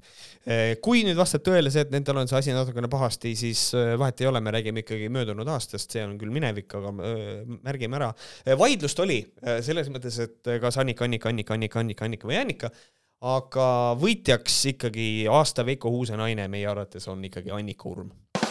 palju õnne, palju õnne Annika Urm. just. loodan siis..., et teil saab kõik korda ikka Veiko Huuse naisega. jah, ma loodan ka, et kõik on ikkagi Veiko Huusega, ma mõtlesin, et teil saab kõik korda Veiko Huuse naisega no,. jah. Veiko Huusel ma... naisega ei, aga ma üldse imestaks, kui Annika Urm, noh, tal ongi vaja rääkida Annika Urmiga mm, -hmm. et me kõik korda saaks. jah, just tegelikult küll, et ja. selles mõttes, et loodame, et loodame, et kõik läheb hästi leppige ära ja loodame, et Stevia müüb, ei ole midagi. ja siis meie järgmine võhk läheb äh, inimesele, kes on meie arvates aasta Just Queen äh,. see on niisugune huvitav, huvitav nimi, aga otsustasime selle ära teha. nominendid on Mallukas, Roosa banaanike ja Oreo küpsis äh,. Mallukas siis peaasjalikult on siin nimekirjas sellepärast, et tema otsustas, et fuck this, ma ei kannata seda enam ja tõi välja selle kõige põletavama uudise, et äh, Joel Ostrati liha on siit ja siis teisel kohal see, see teine oli, oli see, et Ai, ta tõi, tõi siis välja selle, et Justin Leo ikkagi on vägivaldne oma elukaaslasega. Roosa Paranike tuntud kui see, kes siis äh, hakkas ikkagi käima seal Toompea meeleavaldustel ja nad, et mask on seksikas ja pani seal, pani seal julmalt vastu ja vihastas välja feministe. Äh, see on alati naljakas minu jaoks, siuksed need feministid, kes on pahased, eh, kui teised naised kannavad miniseelikut, see on naljakas minu arust. ja siis Oreo küpsis, kes on eh, meil arstitudeng, eh, kes on teinud tublisti siin koroona teemal informeerivaid videosid või noh, klippe, ma ei tea, kuidas Tiktoki teha, informeerivaid Tiktoke, ma ei tea, ma olen vana mees, ma ei, ma ei tea neid sõnu. You are very, very old ja mõtlesime sellel teemal ja tuleb nentida tõsiasja, et äh, esiteks Mallukas ei võida sellepärast, et maitse üle ei vaielda. et äh, et võib-olla mõnele meeldib see liha, noh, lihtsalt mis, mis me teeme. ja Oreo küpsisel tegelikult äh, ei olnud see reach piisavalt suur ja seepärast meie aasta Just Queen on roosa bananik. palju õnne! palju õnne! hea Jät, töö! jätka oma just, jätka äh, seda, mida sa teed ja mm, need küüned, holy shit äh, kas, kas kõik on mõelnud selle peale, et a la, et kuidas ta noh. ärme lähe sinna, ärme lähe sinna, kõik on mõelnud, garanteerin selle. tutorial video, palun. aga ja siis tuleb meie järgmine auhind, mis on ühtlasi meie tänase õhtu viimane. tead, seal lõpus peaks ka olema veel üks, üks väga oluline auhind. aa, muidugi, jah mm. -hmm. aga siiski öö, põhimõtteliselt see on siuke huvitav ähm,, see hästi raske oli vahepeal graveerida seda selle mõttelise ühe peale mm. -hmm. aasta enim aasta nominatsioone saanud, kui mitte ühtegi auhinda võitnud isik. ja mis te arvate, kes see võib olla? see on Silvia Ilves palju õnne, Silvia, selle vahva auhinna eest. just, see on siis just nimelt sellepärast, et mõned inimesed tõepoolest saavad hästi palju nominatsioone, mitte sittagi ei võida ja siis puhtalt selle pealt me saamegi juba anda talle auhinna, et Silvia Ilves, palju õnne, auhinna sa siit täna said. Äh, see võhk on tegelikult nii suur, et sa saad sellest isegi tšello teha endale või, või lasta teha ja te küsite, kuidas Silvial läheb? kuidas läheb Silvial, Andres? no see nagu on üldse läbi mängitud. ei ole. see, et äh, Silvial läheb väga hästi elu kahekümne neljale ta andis aastalõpu intervjuu äh, Merilin Närepile siis mm, ja ta ütles, Merilin küsis, kuidas sul hetkel üldse läheb, Silvia ütles, mul läheb hästi. meil oli peres suur lotovõit, põdesime nüüd aasta lõpus teistkordselt koroonat. võrreldes eelmise korraga põdesime seekord päris korralikult, nagu viirust ikka, lõhnataju puudus ja nii edasi. lastele ei hakanud külge, aga me olime ikka kõik siin kodus kümme päeva meil oli selle üle väga hea meel, sest tegelikult jõulude lõpp oligi mul väga rahulik planeeritud. andsime lastega väikse jõulukontserti veebi vahendusel ja seda tegime niikuinii kodus, et aasta lõpp sai veedetud kodutoit ees. nüüd saime sertifikaadid uuendatud ja võime näiteks lastega spaasse minna nii loll lihtsalt. ei, mul on selles mõttes, mul on hästi hea meel, et äh, et pigem ikkagi läbi põdeda koroona teist korda, kui minna vaktsineerima. et see on naljakas, tegelikult see on naljakas, aga noh, vähemalt et noh, mul ongi soovitus, et tegelikult seda sertifikaati saab uuendada palju nagu lihtsamalt ka, et lihtsalt mine ja uuenda ära. jah, aga ma praegu lugesin veits ja läksin nagu veits tegelikult nagu mõtteliselt nagu närvi, et kuivõrd, kui tegelikult ma, miks ta ei saanud aasta ema tiitlit, nüüd see tuli jälle ju nagu juurde üks asi, miks ta ei ole aasta ema, et nagu tema suurim rõõm on see, et ta toob koroona koju. et see on siis, see, see on siis nagu siis see suhtumine või? Jah, see on nagu loll arvates. et see on nagu, et see on ikka naljakas ja, ja mind üllatab see nagu teatav nagu kiitlemine, et noh, et nüüd me ikka põdesime seda korralikult. ahah, et siis eelmine kord oli nagu lummekusta, okei okay,, tuus mm. natukene naljakas, aga noh, tead, igal inimesel on omad asjad, kes see, kes see on nõus viirusega nakatuma, kes see on kaks korda aastas, kes see on valmis ennast, ma ei tea, vaktsineerima, ma ei tea, kaks korda aastas või noh, see on you know. ah tead, fuck'iks, las äh, Silvia saab selle auhinna ja olgu edasi. jah, just, et äh, siin võib-olla, võib-olla, et mõni arvab, et ei ole väärt, aga anname see aasta ära, vaatame, mis edasi saab. aga äh, nüüd on siis aeg välja anda see päris, see viimane äh, auhind, mis on meie kõige tähtsam auhind ja me anname välja Võha aasta parim kuulaja ja siin eh, nominendid eh, on nii, nagu nad on ja me katsetame siin täiesti uudset tehnoloogiat, eh, mille Andres laadis endale torrentiga alla ühest serverist. ja põhimõtteliselt selle algoritmi me oleme käivitanud, välja arvutanud, kuidas seda teha ja siin see on. nüüd võitja nime või seda võitjat kuuleb ainult see inimene, kes selle auhinna võidab ja see asi läheb käima nüüd ja aasta parim kuulaja oled sina, kes sa seda praegu kuulad. just väga, väga hindame, et sa oled olnud meiega terve selle vahva reisi, mis me oleme teinud siin. just. ümber Nii. kuu ja tagasi. Äh, ja nüüd äh, läks see asi meil kinni, nüüd äh, need, kes, see, kes võitis, see kuulis aga siit lähme nagu edasi, ma panin siia mõned küsimused kirja, mõtlesin, et, et mis asjad on nagu asjad, mida ma tahaks Andrese käest küsida ja võib-olla, võib-olla Andres huvitavad minu vastused ka, ei pea üldse nii olema, selles mõttes et ma mõtlesin sinu käest, Andres, küsida seda, et milline on äh, olnud üks oluline teema see aasta, mis on sind isiklikult jätnud täiesti külmaks? ma mõtlesin pikalt ja probleem on selles, et äh, meil oli dokument, oli mingisugune neli tuhat lehekülge pikk ja mul oli vaja see ära kustutada. Äh, mis ma ei saanud nagu tagasi vaadata, sest on olnud palju-palju äh, ägedaid artikleid ja siukseid nagu asju, mis on jäänud nagu kõrvale võhkaritest. mis tähendab, et tegelikult kõik need, mis asjad on võhkaritest kõrvale jäänud, on täpselt need, mis mind ei ole äh, eriti huvitanud ikkagi kokkuvõttes, et nad alguses tunduvad huvitavad, aga siis lõpuks ikkagi jätavad külmaks, kui see saatesse ei pääse, siis ikkagi jätab külmaks. aga mis mul tuleb meelde kohe, on näiteks see, äh, see fucking külma, külm, külmladu, kus need mm -hmm. vaktsiinid on ju et see, see oli nagu selline nagu suur, suur, suur, suur asi nagu noh, päriselt teema ja, ja. tõi ka Eesti kultuuri termini kobarkäkk.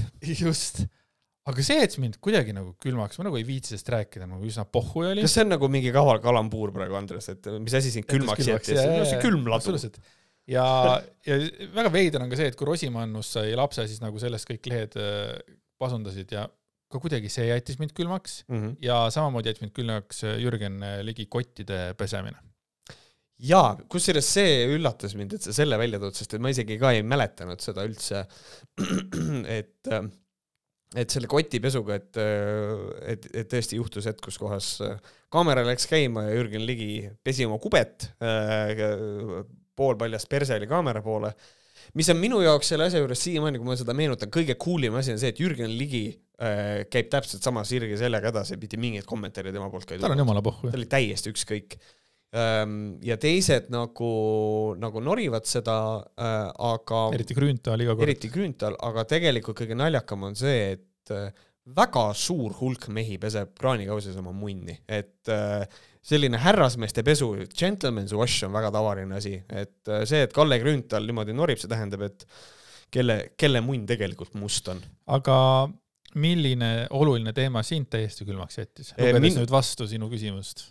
Minu, mind jättis täiesti külmaks ja ma pean tunnistama, et see tuleb teatud äh, priviligeeritusest, on see, et mul on fikseeritud äh, hinnaga pakett, on elektri hind. et seda on mu käest mitmes striimis ka küsitud, et mis sa su elektri hinnast arvad ja kõike seda. ja see on asi, millega ma lihtsalt ei ole tegelenud e,. lihtsalt I don't care et siin on, ma saan aru, et äh, jah, elektri hind on kallis. Ja selles mõttes, et eks ta mind nüüd vist kotib natukene rohkem, sellepärast et on väga naljakas näha, et nüüd on artiklid, mis tulevad, et äh, elektri hind tõuseb homme pisut vähem. Ja siis mul on okei okay,, aga kui palju ta siis tõusnud on? et, et nagu nüüd juba antakse neid pealkirju nagu niimoodi üles, et enam ei tõuse nii palju et aga see on jätnud mind siiamaani külmaks ja ma arvan, et see hammustab mind persedest ühel hetkel, et ma ei ole sellega kursis. aga sa oled ka siis, kas on ka, noh, kuidas ma nüüd selle küsimuse formuleerin siis, kas sul on ka probleeme sellega, et hakata tagasi mõtlema, kui sul ei ole mingisugust nagu pilti ees, et, et, et mis üldse see aasta on olnud, vaata, tulevad mingid kindlad asjad meelde või paar-kolm asja, aga see on, kas see ongi sinuga ka niimoodi, et sa tegeled selle asjaga ära ja sa paned selle kasti kinni? ja tegelikult elektri asi on vaata kui uus asi. jaa, et sa sellepärast nagu mäletad seda, vaata? ma, ma arvan, et ma sellepärast mäletan seda mm.. et see, et, et, et see on nii uus, kuigi ma julgen oletada, et kui see oleks nagu mingisugune suur, sihuke groundbreaking asi, et ma arvan, et kui see oleks leidnud aset, ütleme näiteks kuskil veebruaris mm., see elektriline asi, siis ma arvan, et ma mäletaks seda ikkagi aga, aga jah, see võib täiesti vabalt olla, et mingi asi on mind nii vähe kottinud, ma ei mäletagi seda. eriti nagu... kui me räägime asjadest, mis meid ei koti. see on sama nagu see on aasta hiti valimine, et mm -hmm. viimased kuu aega hääletatakse, hääletatakse selle laulu poolt, mis praegu kõige rohkem nagu just sümpatiseerib mm. -hmm. see, mis veebruaris oli meeletu hitt kuni mingisugune aprillini, nobody gives a shit tegelikult yeah., see lugu nagu ei ole olemas yeah., aga noh, see selleks. nii, sinu järgmine küsimus oli siis, milline teema küttis su kirgi rohkem, kui oleksid arvanud? Märt, mis oli see teema, mis su kirgi küttis? See oli see küsimus, mille ma panin kirja niimoodi, et ma ei teadnud vastust ise. aga, ja selle, ja nüüd, aga selle vastuse ma mõtlesin selle välja ja see on seotud meie enda saatega. ja see on kohaliku omavalitsuse valimised ma ei ole mitte kunagi KOV valimiste puhul olnud nii süvenenud, kui ma olin eh, need valimised mm. -hmm. ja see fucking hasart, mis oli tegelikult see, et davai, pakume, kui palju keegi hääli saab, see oli nagu, see hoidis ka ikka mind seda asja üleval. True, me lasime seda ikka mingi kaheksa saadet või mm -hmm. koos mm -hmm. Patreonidega kokku, et. jah, just et, eh, et ma arvan, et KOV valimised oli, oli see minu kõige suurem. ja ma olin selle unustanud Te olid selle unustanud? mina olin selle unustanud ja mina lappasin siis nagu lihtsalt Võhkarite nagu saateid ja mõtlesin, mis need olid. muidugi mul tuli, kohe tuli meelde Maire Aunaste mm. -hmm. me läksime kolm saadet põhimõtteliselt a la midagi taolist, nagu iga kord, kui me sellest hakkasime rääkima, siis oli selge, et millega, mul on üks küsimus sulle, väga oluline küsimus. kas ma seda küsinud ei ole su käest juba? olen? No, proovime, proovime.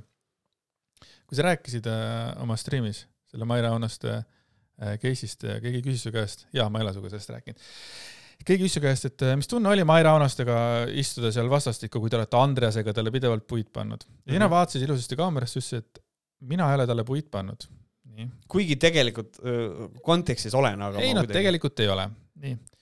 ma vaatasin seda, ma ütlesin Lemmele ka, et minu arust see on nagu, see on nagu üli, ülilahe nagu suhtumine, et, et tõesti, et tegelikult ka, et sa ütledki see, et noh, mina seekord ei, mina ei pannud seda, kui keegi süüdistaks mind, et miks sa saatsid, ma ei mäleta, kelle vittu onju, ma ütlesin, et noh, aga mina ei ole ta vittu saatnud mm. -hmm. et see ei ole tegelikult minu arvamus, see, et me omavahel siin noh, argumenteerime ja mis nagu kellelegi meelde jääb, onju, et tõesti, sina ei pannud puid, mina panin Mai Raunastele puid. sinu jaoks ei olnud nii suur probleem, minu jaoks oli, aga kui nüüd on näiteks teema, et keegi kaebab meid kohtusse ja ta mhm. kaebab Võhkarit kohtusse selle asja eest, ütleme näiteks, mida ütlesin mina, aga ta kaebab kohtusse Võhkarit kuidas siis see seis on? kas siis sa tahad ka öelda nagu, lükata selja sirgu ja öelda, et seda ei öelnud mina?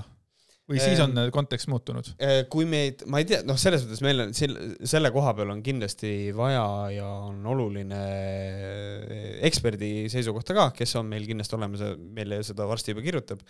et eh, kui antakse võhkarid kohtusse, siis see tegelikult tähendab ikkagi indiviidide, füüsiliste isikute kohtusse andmist ja siin on küsimus, kas ta annab meid mõlemaid kohtusse võtame selle eelduse, et annab meid mõlemaid, et see tuleb nagu meie vastu, siis, äh, siis iseenesest äh, minul isiklikult on võimalus öelda, et no jaa, mina ei ole seda öelnud, aga ma ei tea, kui, kui määrav see on ja, ja mõnes mõttes ka, kui õiglane see on, sellepärast et niikuinii ühiskonna silmis on, on nagu see ka, et on niisugune asi nagu guilt by association. et ma teen sinuga saadet, sina ütlesid, noh, ja, sellepärast ilmselt see küsimus ka mulle tuli aga ma ei, nagu üldiselt ei ole nagu nõus selle, selle väitega, et ma talle väga puid alla pannud ei ole.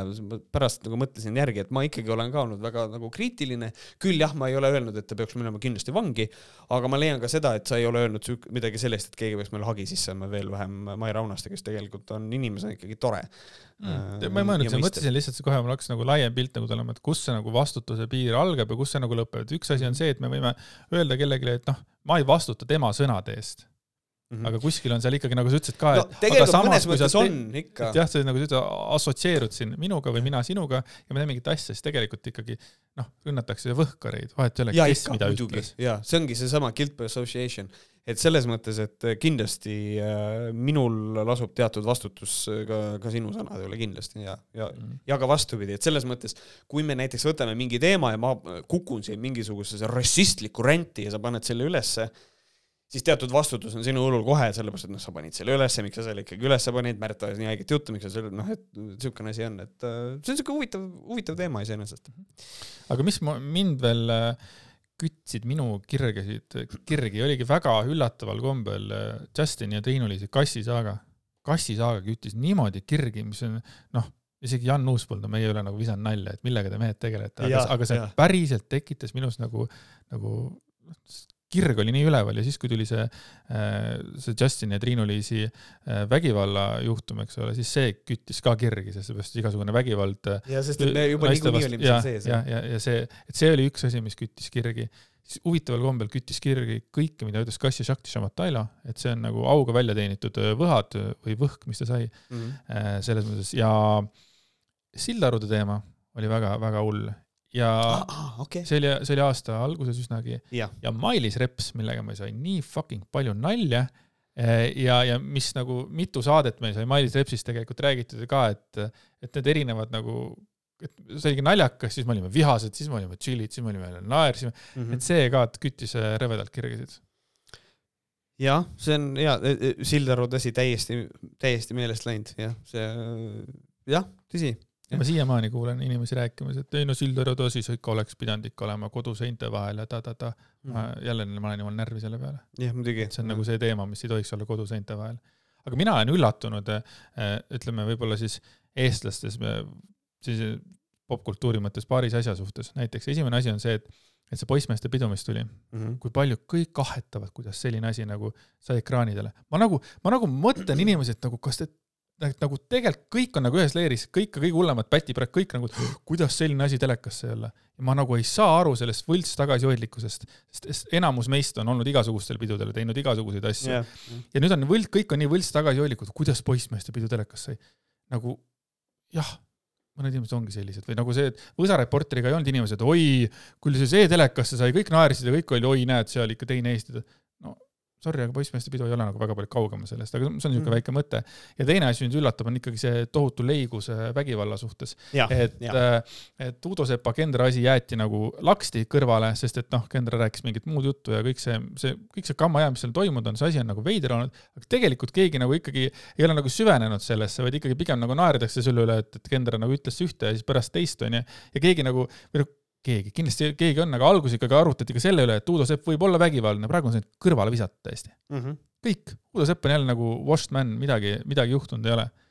ja, ja no kõik, kogu see pedofiilide asi, alates äh, Peeter Helmest ja Venno Loosaarest ja need, et täiesti pohhu on inimestel, et ma, ma tõesti vahepeal mõtlen, et väga huvitav on ikka, väga huvitav on Eestis ja Justin Leo puhul täpselt samamoodi, et ja, mine ta, mine ta kontole, ei ole kukkunud jälgijaid, ei ole, ikka, ikka ta oli populaarne, ikka like itakse, ikka tellitakse või noh, mitte enam, on ju, sest ta ei ole siin, aga jälle, et täiesti unustatud, ikka veel Austraalia täkk ja siis pannakse mingisugune värdis pilt jälle temast üles, nagu tegelikult ka või? Mm. -hmm. Mitu, lõpetage nüüd kirjutamine veider. ära siis. The fucking way seda. see oli hästi veider, aga mina leiaksin seda, et äh, tahaksin äh,, tahaksin äh, välja tuua selle, et me kunagi ammu sai Võhkrites öeldud, et me oleme valmis äh, võtma kõik sõnad tagasi Venno Loosaare kohta, kui ta õigeks mõistetakse. ei pea tegema seda. et äh, mõisteti ikkagi süüdi või, või noh, äh, järgmine nagu, kohtuaste lihtsalt otsustas, et fuck this, las ta olla et, et, et sellega siis läks nagu, sellega siis läks nagu läks. ja siis minu viimane küsimus äh, sulle, selle aasta tippsündmus. aasta kaks tuhat kakskümmend üks, äh, teine jaanuar, ma abiellusin. ja raske ületada, ma kujutan ette. ja kevadel ma vahetasin nagu selles firmas, kus ma töötan, nagu töökohta ja nagu siis tõusin, tõusin siis ütleme nagu töökohalt ka, et see on mm -hmm. nagu kaks väga suurt olulist asja. nii see oli nüüd sinu isiklikus elus, mis ma tahtsingi teha, et oleks isiklik elu ja sinu arvates selle aasta tippsündmus, eh, mis oli nii-öelda sinust, sinu, eh, sinust väljaspool, mida sina nagu nägid, ütlesid, et kurat, see on selle aasta tippsündmus. on midagi sellist välja tuua? no ma suudan ainult sinu peale mõelda, sellepärast et lapse saamine ületab nagu mingite nurkade alt ikkagi abiellumist nagu kordades mm., sest see on nagu noh abielu on minu jaoks on nagu püha ja tohutu väärtus, aga kui ma sain endale tütre, siis see väärtus oli midagi nagu teistsugust ja nagu kuidagi suuremat kordades. et ma, ma arvan, et, et olles hästi lähedal sinule, siis nii sinu ja minu parima sõbra Jüri, et te mõlemad saite isaks siin aasta lõpus, et ma arvan, need on, need on kindlasti aasta mm -hmm. sündmused. okei okay., minu puhul aasta tippsündmust, väga raske on midagi muud öelda kui see, et ma sain isaks ja võib-olla väljaspoolt ikkagi ma seostaks seda ka osaliselt ikkagi nagu meie, sellega, mida meie teeme. Äh,. Võhkrite Patreon, ilma igasuguse naljata on asi, mis mind väga üllatas, et meil on nii palju huvilisi, kes on nagu tõepoolest, hea küll äh,, tulen kuulan neid ka. Äh,, see on cool. Äh, see kõlab nagu hästi halb segway, aga noh, taaskord äh, patreon.com kaldkriips Võhkarid, äh, Vohkarid siis, et tulge kuulake seda ka et, et mind üllatas, et, et seda asja on mõnes mõttes ikkagi võimalik teha ka kui tööd, et see on, et, et, et see on tore. Aga tippsündmuseks võib-olla ma siukses globaalses mastaabis võtaksin selle, kuidas ma ütlesin, kuidas ma ütleksin, ma arvan, et delta tüvi on selle aasta selline globaalne tippsündmus, et delta tüve tulek oli see, mis lõi äh, kõik vaktsiinivastased veel rohkem leili, sest et nüüd vaktsiin ei tööta. räägitakse sellest, et kui vaktsiin töötab äh, ainult seitsekümmend protsenti, äh, seitsmekümne protsendilise tõenäosusega, siis see on läbikukkunud vaktsiin, mis mulle toimub, tundub täiesti mõistuse vastane, et ma võib-olla tooks nagu selle välja, et paraku see koroona, kaks tuhat kakskümmend üks on olnud samamoodi koroona aasta kuni kaks tuhat kakskümmend, loodame, et see omikroni kergem põdemine ja kõik see, meie haiglasüsteem üle ei korma ega, ega ka maailmas mitte. Ja loodame, et kaks tuhat kakskümmend kaks on vähe leebem aasta raske on, raske on nagu näha, et ta läheb mm -hmm. leebemaks. raske on seda näha jah, sest et kui nüüd numbrid uuesti üles minevad ja meil ei olnud aasta lõpus fucking piiranguid, et ma ei tea, mis siin mõne aja pärast saab, vaatame, kas lööb numbri lakke, väga tore oleks, kui ei lööks aga et kui meil on nakatumisi rohkem, sest et ta on nakkavam, aga põdemine kergem, siis me sellegipoolest võib juhtuda. aga vittu kui..., me ei saa jääda niimoodi terve elu niimoodi sitsima, see, see, see ei ole ei nagu saa. jätkusuutlik, see ei ole jätkusuutlik, see mida siis teevad ka valitsuse poolt, et ma saan aru, et viirus on selline asi, mis noh, ükski valitsus ei saa seda kinni panna ja mm -hmm. nii edasi, onju. aga türa, see ei saa niimoodi, see ei saa niimoodi jääda. see, see ei, ja see on ka ikkagi pull tõesti, et kui ikkagi terve, terve peaaegu kaks aastat nagu ma ei, mul ei olnud mingit probleemi selle koroonaga tegelikult, et ma elasin oma elu nii, nagu ma elasin, olin esimese klassi kodanik, onju, et siis ikkagi aasta lõpus tõmmati ikkagi mind ka maha selles mõttes mm. -hmm. Et see koroona nagu puudutas ka nüüd nagu väga-väga-väga lähedalt, et jah, ja põhimõtteliselt nüüd on nagu see koht ka, kus kohas äh, tuleb niisugune, kuidas ma ütlen, Youtuberi jutt ka, et äh, tegelikult meid Andresega siiralt huvitab see ka, mingisugused teie äh,, mis olid, mis olid teie jaoks need teemad, mis olid olulised tegelikult laiemas nagu, nagu laiemas pildis, aga teid jätsid külmaks. mis olid need asjad, mis kütsid teie kirgi rohkem, kui te oleks arvanud ja mis oli teie aasta tippsündmus, kirjutage kommentaaridesse. pluss, mis asja me välja ei andnud, näiteks, mis, mis te teie oleksite pannud veel aasta mingisugune või siis äh, vahetage mõni asi ära, et noh, ma ei tea, aasta loll või midagi positiivset, noh. või aasta halvim taskuhääling, et te võite nagu ka neid, neid nagu muuta või, või nagu vaielda meiega. või mis jaa. aasta parim taskuhääling oli, see ka võite panna kirja et, et sa mõtled nagu Youtube'i kommentaaridesse, onju? jah, näiteks Youtube'i kommentaaridesse vabalt, et äh, ja, ja, ja need, kes ei kasuta meid Youtube'i kirjutage meili kas või? jaa, võhkarid.gmail.com, õ on kuus. väga lihtne. sihuke, sihuke, sihuke.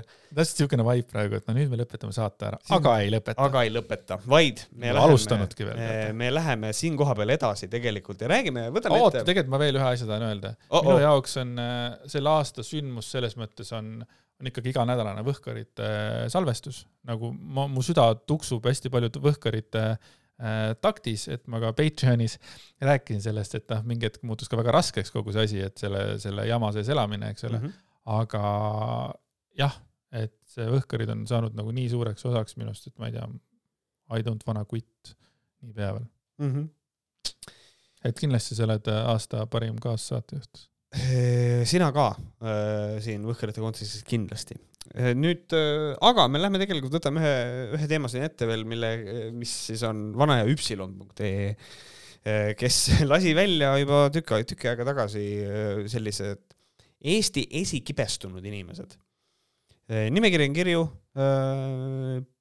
siis põhjused, ühesõnaga nad lähtuvad siis, et mis asi on kibestunud inimese tunnus, et inimene on loov ja ülitundlik ja siis kapseldumine ühte teemasse ning teiste teemade ja normide alateadlik ja resoluutne eiramine. et see on siis selline kibestumise tunnus ja siis on antud siin välja täitsa siuksed korralikud nimed on välja toodud, kes on, äh, kes on väga kibestunud siis autori arvates. Äh, kuidas me teeme, kas me loeme need asjad kõik ette või teeme, teeme siis niimoodi? nii, esimene kibestunu siis Üpsiloni arvates on Sass Henno tegu on siis sellega, et äh, ta on ülitundlik, ta on raske lapsepõlvega geenius, edukas kirjanik, tänaseks täielikult kibestunud ja kapseldunud. indulgentsideks on tal üliaktiivne pere ja eriti äh, naiste vastu suunatud vägivallavastane võitlus, mis lubab tal ülejäänud normidele sülitada. Henno on ähm, äh, sariliiklusrikkuja, teda on korduvalt karistatud kiiruse ületamise eest, ka juhtimisõigus on tal ära võetud ja alles aastal kaks tuhat üheksateist löödi toona kolmekümne seitsme aastane Sass Henno minema bändist Viis Miinust põhjuseks süstemaatiline verinoorte eh, tütarlaste backstage'i tirimine. ja organitest on tal ainult süda ja seegi on vale koha peal, seisund on pöördumatu, inimesena kõvasti üle keskmise vastik. see on hästi huvitav, on see, et see lõppu on iga inimese kohta pannud selline asi, et huvitav, kas, kas, kas see Üpsiloni tüüp tunneb neid kõiki? võimalik inimesena kõvasti üle keskmise vastik või siis see on nagu see pilt nagu, mis nagu välja antakse, kui oleks siin noh, mind siia ei pandaks, sest ma ei ole nii oluline, tähendab, olen, aga võib-olla mitte maailma jaoks, aga kui siin oleks Märt Koik ja inimene, ja inimene ei tunne sind, et huvitav, mis siin oleks, et kas oleks ka üle keskmise vastik, väga vastik, inimesena mitte nii vastik? ma arvan, et äh, vaatad mu striime ja teed oletuse ja ütled, et inimesena väga vastik ei ole seal midagi.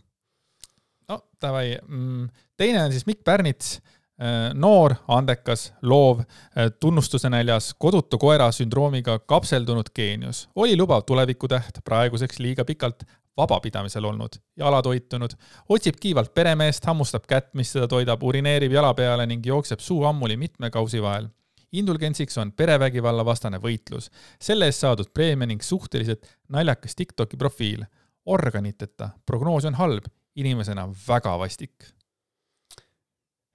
jah, tegu on siis mehega, kes äh, ajas Eesti tülli. ajas Eesti tülli, oleme sellest oma podcast'is rääkinud, äh, juhtus ka see, et ta ühel hetkel lahkus ka feministide grupist, sest et ta oli natukene liiga reljeefne. Äh, väga reljeefsete väljaütlemistega üks osa, siis see pole okei okay konto taga, mis konto ise on väga hea, kuigi ma aeg-ajalt tunnen seda, et ma arvan, et ma suudan juba eristada, et noh, millise postituse on tema koostanud, sellepärast et mõned asjad on natukene liiga resoluutsed, ei jäta väga palju analüüsiruumi.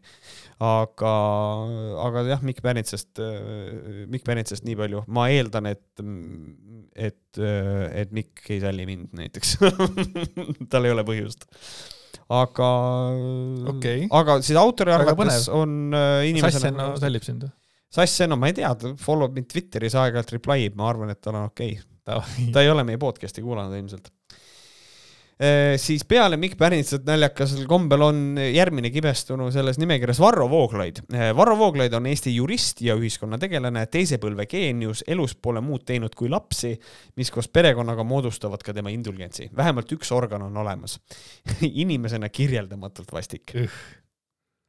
ka karm ja, ja selle kohta Varro ei olegi tõmmanud äh, kräona üles, et kas ta hakkab ka, varsti hakkab ka nagu selles mõttes nagu väsima, vaata, et ma ei viitsi enam. kusjuures tegelikult rääkides siin, Sass Enno äh, on äh, tõstatanud teooria Varro Vooglaiu kohta Twitteris mitu korda, et, äh, et nüüd välise vaatluse järgi, kuidas ta räägib ja, ja kõike seda, et ähm, Sass Ennol on teooria, et Varro Vooglaiul on depressioon ja kui see, kui see peaks vastama tõele, siis tegelikult see on väga suur probleem, sellepärast et Varro Vooglaid, ma arvan, et ta on öelnud, Varro Vooglaid on öelnud välja sellist asja, et olla ohvri positsioonil on feminiinne positsioon ja kindlasti see ei ole positsioon, kus kohas Varro Vooglaid ta on öelnud seda, et ja. ohvri rollis ja. olla on feminiinne või ma tahaks nüüd kohe ohvri rollis olla. Äh, see, ma ei mäleta, kas ta ütles seda mm, selles Võrno talk show's, mis kunagi tehti, aga kuskil oli see, kas see on ohvri positsioon või et oled nagu ohver, siis et ta ütles, et see on feminiinne positsioon.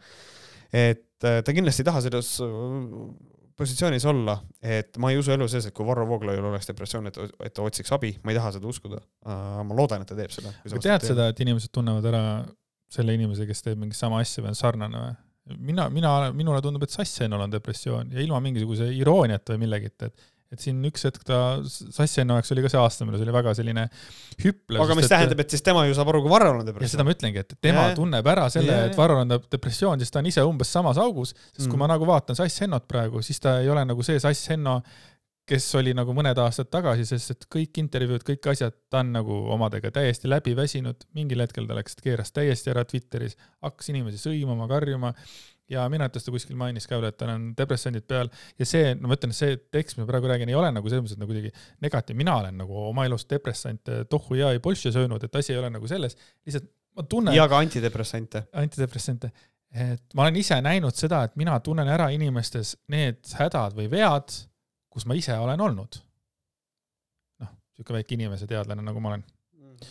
aga davai, lähme siis järgmise tüübi juurde, see on Sven Kivisildnik Kivisilnik on hirmudest läbi imbunud ülitundlik geenius, auhinnatud poeet, omaaegne rahvalemmik, erakordse keeletajuga inimene, katsetanud selliseid värsivorme, millest kirjandusõpetajad ja haridusminister undki pole näinud. püsis väga kaua kõrgvormis, andis endast kirjastajana meeletu panuse kaasaegse luule väljaandmisel, sai selle eest tänuks Kultuurkapitali ahistamise, Kultuurkapitali ahistamise ning kohtuasja seejärel jättis end puugi vastu vaktsineerimata, sai borrelioosi, mis kattus meeste menopausiga ning kapseldus. kivisildniku indulgents on ta enda poolt enesele omistatud intellekt, mis lubab tal ükskõik millist teist ühiskonnaliiget alaarenenuna kohelda. antropoloogia instituudi hinnangul on geenius ise väljaspool loomeruumi siiski suhteliselt loll. kivisildnikul on organid kergelt krimpsus, hormoonravi ja paar kulka aastapreemiat tõmbaksid ta uuesti rea peale inimesena on ta alla keskmise vastik, mis oli minu jaoks väga üllatav. et, et kivisildnik mm, -hmm. kes tundub mulle nagu the most vastik tüüp ever. nagu ma kujutan ette Varroga, nagu kui ta on sinu, sinuga ühel pool, istute seal laua ümber, ta räägib oma selle, selle häälega, ta ei, ta ei, ma ei usu, et ta on vastik, aga kivisildnik, kõik, mis ta teeb, on ääretult vastik. see mm, -hmm. kuidas ta räägib, on vastik, see, mida ta räägib, on vastik. et äh, mina arvan, et Kivisilnik on ääretult vastik tüüp ja mina olen vist nii fucking noor, et mina nagu tema seda au, auhinnatud poeeti omaaegne rahva lemmik, seda osa ma ei teadnud temast mm.. no ma ise ei ole Kivisildniku loomingusse kunagi nagu väga nagu sisse, mina mäletan seda, kui, kui ma sain kingituseks äh, Anton, Anton Sandor Lavei kirjutatud satanistliku piibli, siis Kivisildnik oli sellele kirjutanud eessõna. mis asja? Ütle uuesti. Äh, satanistlikule piiblile oli kirjutanud eessõna. miks sa said satanistliku piibli? sest et mind huvitas äh, Lavei satanism kunagi Äh, ja ma tahtsin lugeda seda piiblit. aga see on piibel nagu jumalast või see on piibel, kus see, on nagu saatana kätetöö? see on, see on nii keeruline teema. Anton Sandor Lavei satanism ei ole saatana kummardamine, vaid see on põhimõtteliselt religioosne ateism põhimõtteliselt. et eh, ta on, tema nimi on satanism sellepärast, et ta vastandub religioonile, sest et eh, see sõna saatan tuleb siis eh, nii-öelda sõnast vastandumine ja et see on põhimõtteliselt, see on selline eh, noh, nüüd kolmekümne ühe aastase mehena, see on, see, see on selline cringe, edgy pask, mis on nagu see, et saame kokku ja teeme rituaale ja, ja nende eesmärk on see, et sihuke salajane, sihuke fuck religion on kogu aeg taga. aga kas see sobib siis nagu uute uudiste kolumnistile või? Ehm, ma ei tea, ta kunagi kirjutas eessõna sellele, ma rohkem, ma ei mäleta ka, mis ta eessõnas kirjutas, et selles mõttes, et aga see oli aastaid tagasi, ma mäletan, ma lugesin seda siis, kui ma olin sõjaväes, et see oli ikkagi tükk, tükk aega tagasi. lihtsalt pani, paneb mõtlema see, et kui Mikk, Mikk Pärnits sai auhinna, siis kaevati välja kõik asjad, mis oli võimalik Mikk, Mikk Pärnits, miks Pikk Pärnits? Mikk Pärnits, Pikk Pärnitsa kohta. ta on pikk mees ka, Pikk Pärnits. mis, mis nagu võimalik oli, onju, ja me ise kajastasime ka seda, onju aga kui on mingi selline vend juba, siis ta ei tohiks ju sobida sinna või? no ma ei tea äkki. samas me näeme ka, et EKRE-s vist on kõige rohkem kurjategijaid mm. -hmm. süüdi mõistetud kurjategijaid. Neil on suht suva, peaasi, et kelle, peaasi, et kellelgi on suur äh, see publikum ilmselt, et äh, neile vist läheb see rohkem korda.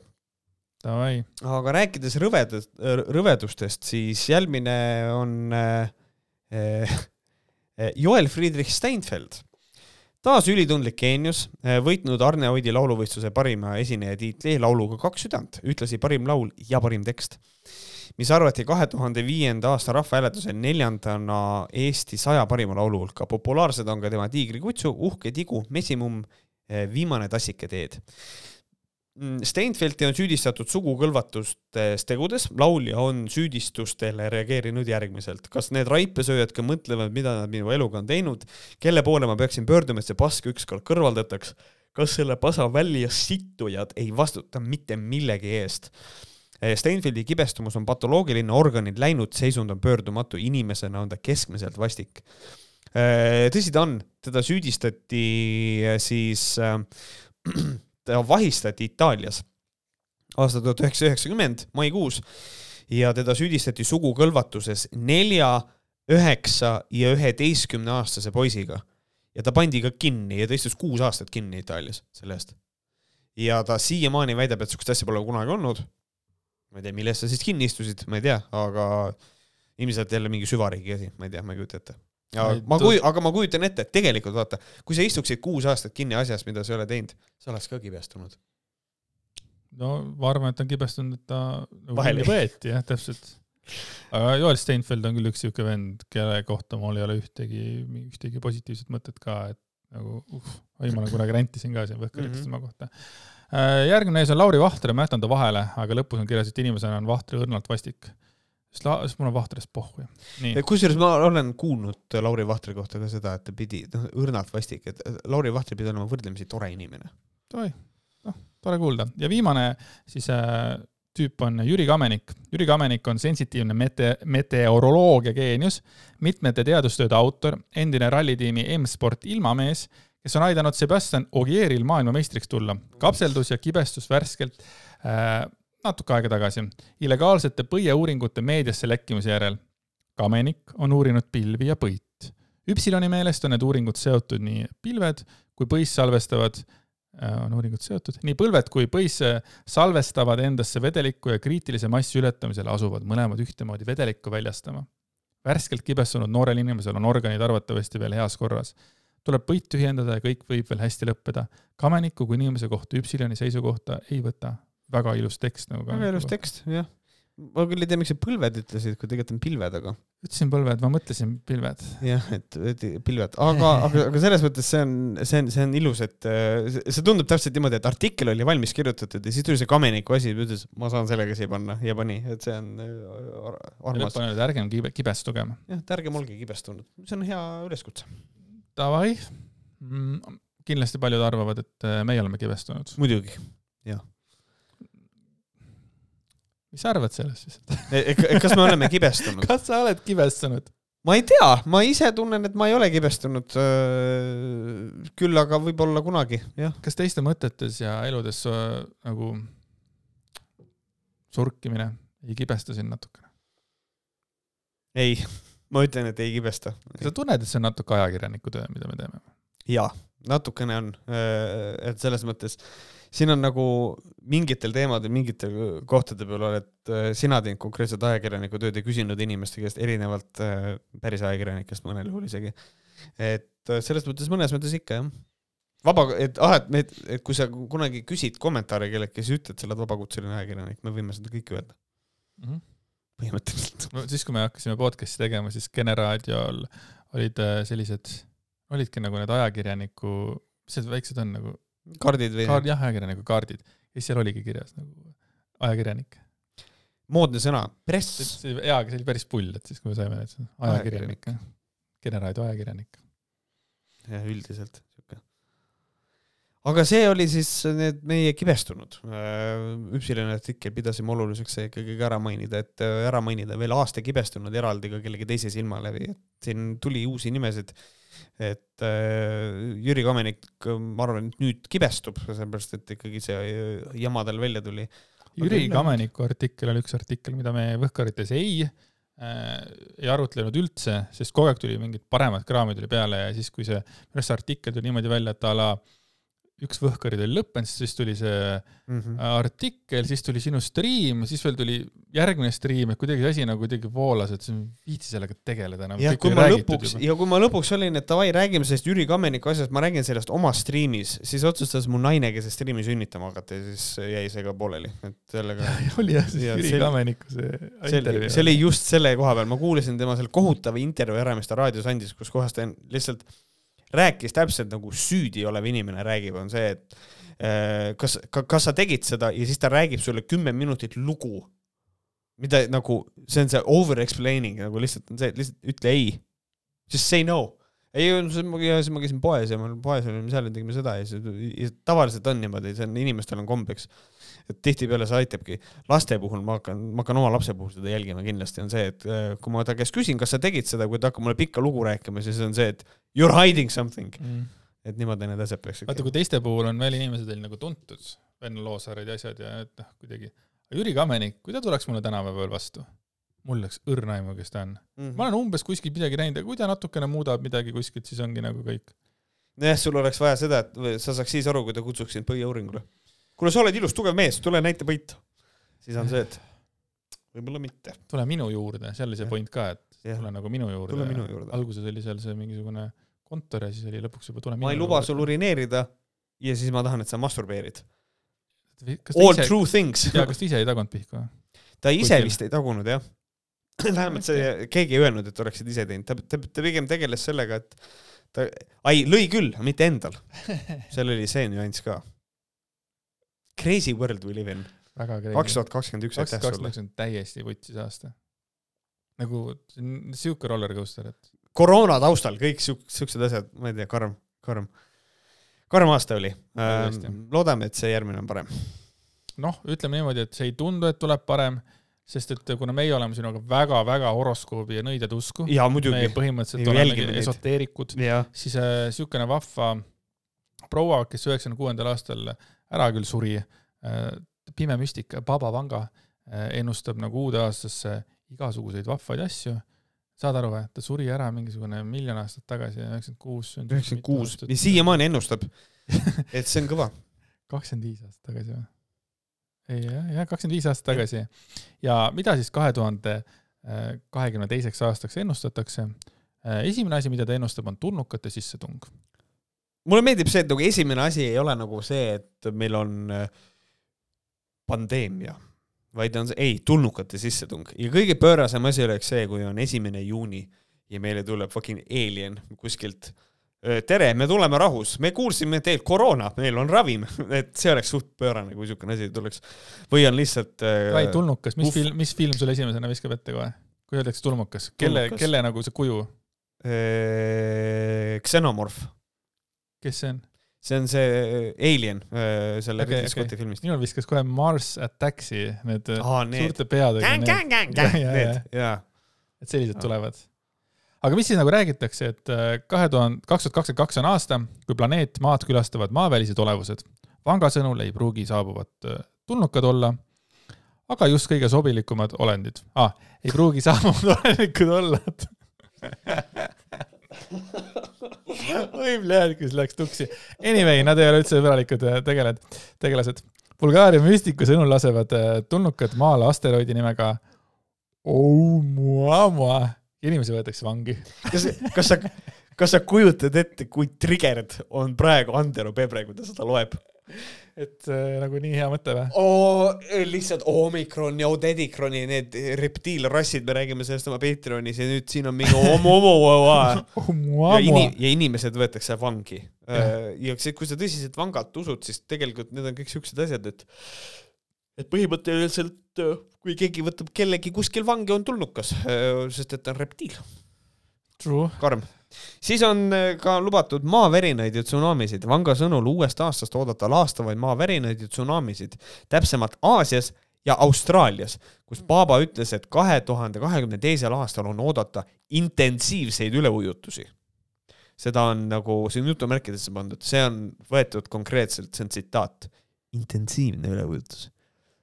see on kohe niimoodi, ma ei tea, see vesi on hästi külm või, tea, see nagu või et vesi tõuseb silmnähtavalt, nii intenso. järgmine asi, mida ta ennustab, on üks pandeemia, jälle üks pandeemia on siin kirjas. justkui poleks maailm Covid üheksateistkümmend, üheksateistkümnenda muteerunud tüvede käes piisavalt kannatanud, on Vanga ennustuste kohaselt oodata järjekordset pandeemiat. selgeltnägija ennustas, et kliimamuutuste ja soojeneva keskkonna mõjul sulab Siberis üles aastaid külmunud olnud surmav aine.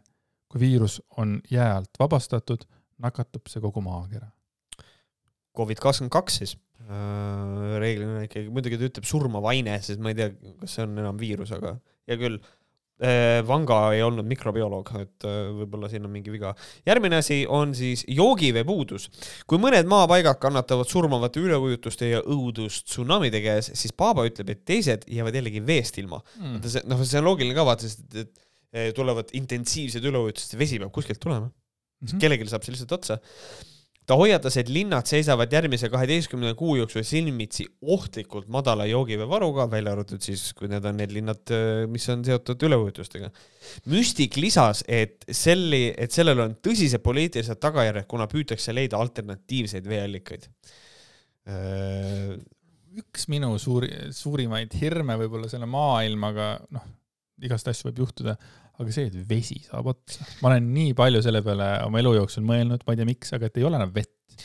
jah, kui noh, kui vesi saab otsa, siis on perses. Äh, mina, minu kõige suurem äh, selline teatav hirm on see, kui vesi on konkreetselt puhas, tavaline gaseerimata vesi on luksuskaup noh, a la nagu midagi sellist, et räigelt kallis. mis film see oli, see Denzel Washingtoniga ka, kus ta uh,? Neid filme on hästi palju olnud, kus vesi on selline, et äh, see oli Book of Eli oli jah, Book of Eli'd ma mõtlesingi. Äh, ja siis seal on igasugused on, äh, mis on Soylent Green ja siis terve Expense, muidugi seal oli tegevus Marsil, aga, aga noh. ja siis nagu ma aru saan, siis praegu on maailma nagu väga suur probleem ongi need üleujutused, kuna kõik mm. sulab, vaata, et, et yeah. nagu selline, et teistpidine hull värk. et noh, mõnes mõttes see joogivee puudus tekitab minus nagu selle küsimuse, et äh, tegelikult äh, kuhu see magevesi siis, no, no selles mõttes meil magevett on vähe jah, et selle mageveeks, et soolane vesi mageveeks läheks, sellega läheb aega, et nagu iseenesest mõnes, mõnes mõttes on küsimus, hästi palju vett on, aga joogivett ei ole siis, okei okay. mm. -hmm. siis äh, järgmine on Indiat ründavad ohutirtsud justkui ülaltoodud looduskatastroofidest ja galaktika vahelistest kosmosevallutajatest ei piisanud, arvab Baba Vanga tagatikku takkatippu, et Indiat ootab ees putukate pealetung. ta ütles, et kui temperatuur Indias jõuab väljakannatamatu viiekümne kraadini, hävitavad roodirtsude hiigelparved põllukultuure, millest rahvas sõltub. miljonid inimesed Indias kannatavad selle tulemusena nälja käes vot ja siis äh, järgmine alapealkiri on ekraanide lummuses äh, ja äh, Baba Vanga viimane ennustus uueks aastaks on õnneks kõige vähem hirmutav. Ehk see võis tol ajal olla hirmutav mõte, pole üllatav, et kahe tuhande kahekümne teisel aastal olemegi veel enam naelutatud ekraanide külge, kuna tehnoloogia ja sotsiaalmeedia arenevad hüppeliselt näib, et Baba Vanga on selle ennustusega kindlalt täkkesse pannud. Eh, ehk siis mina oleks siia ikkagi ilusasti ära maininud selle, kui mina oleksin see inimene, kes push ib seda Baba Vanga jura, et ikkagi, et me oleme, me oleme ekraanide embuses kogu aeg, oleks võinud ikkagi selle kuradi metaversi ikkagi selle, et Facebook läheb metaks ja tahab teha metaversi, oleks võinud selle ka kuidagi sisse põimida siia artiklisse, aga kurat, see ei õnnestunud ajakirjanikul, kahju. sellega ei ole tulnud veel keegi välja, et miks on Facebooki nimi Meta? Andor Pebra või keegi, Pebre eee...? sellel ajal vist ei, ei ole... jälginud väga ka Pebret. ei ole täheldanud küll, aga kindlasti on, aga ei ole, minu info välja ei ole jõudnud, jah. palju sa veedad ekraanide taga siis või ees, kuidas seda öelda nüüd uh,? ekraani ees siis pigem. ekraani ees, no ikka suht palju, selles mõttes ma oma vaba aja istun arvutis ja mängin mingit arvutimängu või äh, loen oma Discordis, mida teised inimesed räägivad, et selles mõttes ma ikkagi olen suht ekraani inimene. ja ma olen selles mõttes ikkagi ka nagu vanamees, et ma, ma ei ole nutiseadmes ekraanis kinni, ma olen arvuti taga kinni et mul on see, et ma olen füüsiliselt arvuti taga istun, et ma olen nagu see inimene ja iga kord, kui ma vaatan äh, seda, et kust kohast, millisest seadmest vaadatakse, vaadatakse minu Youtube'i asju, siis ma olen iga kord hämmingus, et arvuti peal vaadatakse kõige vähem, sest ma olen ise seal kogu aeg, et. aga telekas läheb ka arvuti alla või? ei lähe. kuidas ta lähe. loeb seda? ta loeb. Androidi telekas siis lihtsalt loeb seda? jah, jah, ta loeb, äh, ta saab seadme järgi aru, jah et see info on neil olemas, kus te vaatate. jah, see on jah, selles mõttes, et äh, minu jaoks on see ka nagu hästi üllatav, et sina oled nagu just selle arvutiga niimoodi seotud. teistpidi ma saan aru, et kui sa oledki olnud selline geimer, on õige sõna siis selle kohta, see ei ole solvav kuidagi või? ei. ei ole jah? et kui sa oled olnud geimer pikalt, siis. see oli isegi gei öelda, ma olin lihtsalt solvunud ei, ma ei tea, äkki geimer ei ole positiivne sõna. on küll et siis selles mõttes ma nagu saan aru, aga, aga minul on küll niimoodi, et äh, telefon kogu aeg nagu mm. tegin üks päev tegin äh, telefonivaba päeva endale. tähendab seda, et see, et ma vaatasin ainult nii palju telefoni, äh, kui keegi kirjutas Messengeris, ma vastasin kahe, kahe sõnaga ja siis nagu läksin eluga edasi. ülilihtne oli mm., ülilihtne, kui ma olen nagu tean, et see on nagu mingi üks päev, vaata kas sa oled, kas sa, kas sul telefon loeb ka, palju sa ekraanidega oled, see mingi screen time'i loeb ka sulle? jaa, ikka loeb jah. Okei okay äkki viimati oli kolm pluss tundi, aga siis ma lisan veel ka see, et kui ma olen veel tööl, siis ma olen veel päev otsa noh, veel ka arvuti taga. räägime siis ka veel see, et kui on, kindlasti vaatad mingisugust filmi, ma enamasti ikkagi mingit seriaali või filmi ka vaatan natukene siis nagu siis suurelt ekraanilt, eks ole, et mm -hmm. noh, et selles mõttes, et, et ekraanide sees ma olen nagu kordades rohkem kui kolm tundi, et ma olen ikka yeah., ma olen ikka full on ma olen, ma olen ka rohkem, aga mul on nutiseadmetes olen ma ikkagi vist päeva jooksul kokku, kui ma olen noh, tavaline päev, kus ma ei, näiteks ei, ei ole sunnitud mingil põhjusel arvu nagu eh, olema seal, kas mingit mängu mängimas, ma ootan midagi, et ma olen telefonis olen ma reeglina alla tunni päevas äh,. aga siis tulevad, screen time'i keeravad pekki näiteks äh, võhkerite salvestus, sest et ta praegu vaatab, et ma kasutan äppi nimega kaamera ja, ja mul on ikka see, läheb kolme tunni peale siis, kui ma sõidan, kasutan GPS-ina ja sõidan näiteks siit oma vanemate juurde, mis on üle kahe poole tunni, et siis läheb ka üle kolme tunni. et peapakuni ka vastu või? Waze küll tõmbab nii kiiresti tühjaks, et täiesti pöörane Uh, mul, ma saan täis laetud akuga, ma saan, mul jääb umbes mingi kümme prossa jääb akut alles vist mm,. Uh, aga hea, hästi hea variant on panna telefon autos laadima. see on ka, see hoiab aku täis. True aga äh, head uut aastat! head uut aastat! ja meie vaatajatele ja kuulajatele ka head uut aastat. loodame, et ma tegingi mõlemaga, ma vaatasin sulle ja siis vaatasin sinna ka, see on ühe sõnaga ära öeldud. õpib. et ühesõnaga me loodame, et Võhkarit paneb sama kõrge lennuga edasi, ma loodan, et meil on teemasid see aasta, millest rääkida. kui, kui maailm otsa ei saa, siis peaks leidma neid teemasid. kindlasti, loodame, et midagi nagu uusi ja huvitavaid isiksusi, uusi huvitavaid mõttelende, ma ootan uuest, uue, uuest aastast nagu uusi, jah, uusi mõttelennutajaid. uusi suunamudijaid just, et see oleks nagu hästi teretulnud, et mingisuguseid täiesti pööraseid segaseid inimesi, sa ajad täiesti idiootset juttu. ja just, me ootame kindlasti ka uusi inimesi oma Patreoni eh, suunas, see on nüüd meie viimane plaak täna. Eh, me ei tee seda kunagi enam niimoodi, aga ja. täna oli vaja eh, lihtsalt patreon.com kaldkriips Vohkarid, et olete oodatud sinna ka, lihtsalt lisasaated saate endale. ja, ja loodame, et olete järgnevad aastad ka meiega meie poolt kõik eelnev aasta on kokku võetud, paneme jul-, paneme julmalt edasi. aitäh teile. Aitäh teile kõigile, tšau.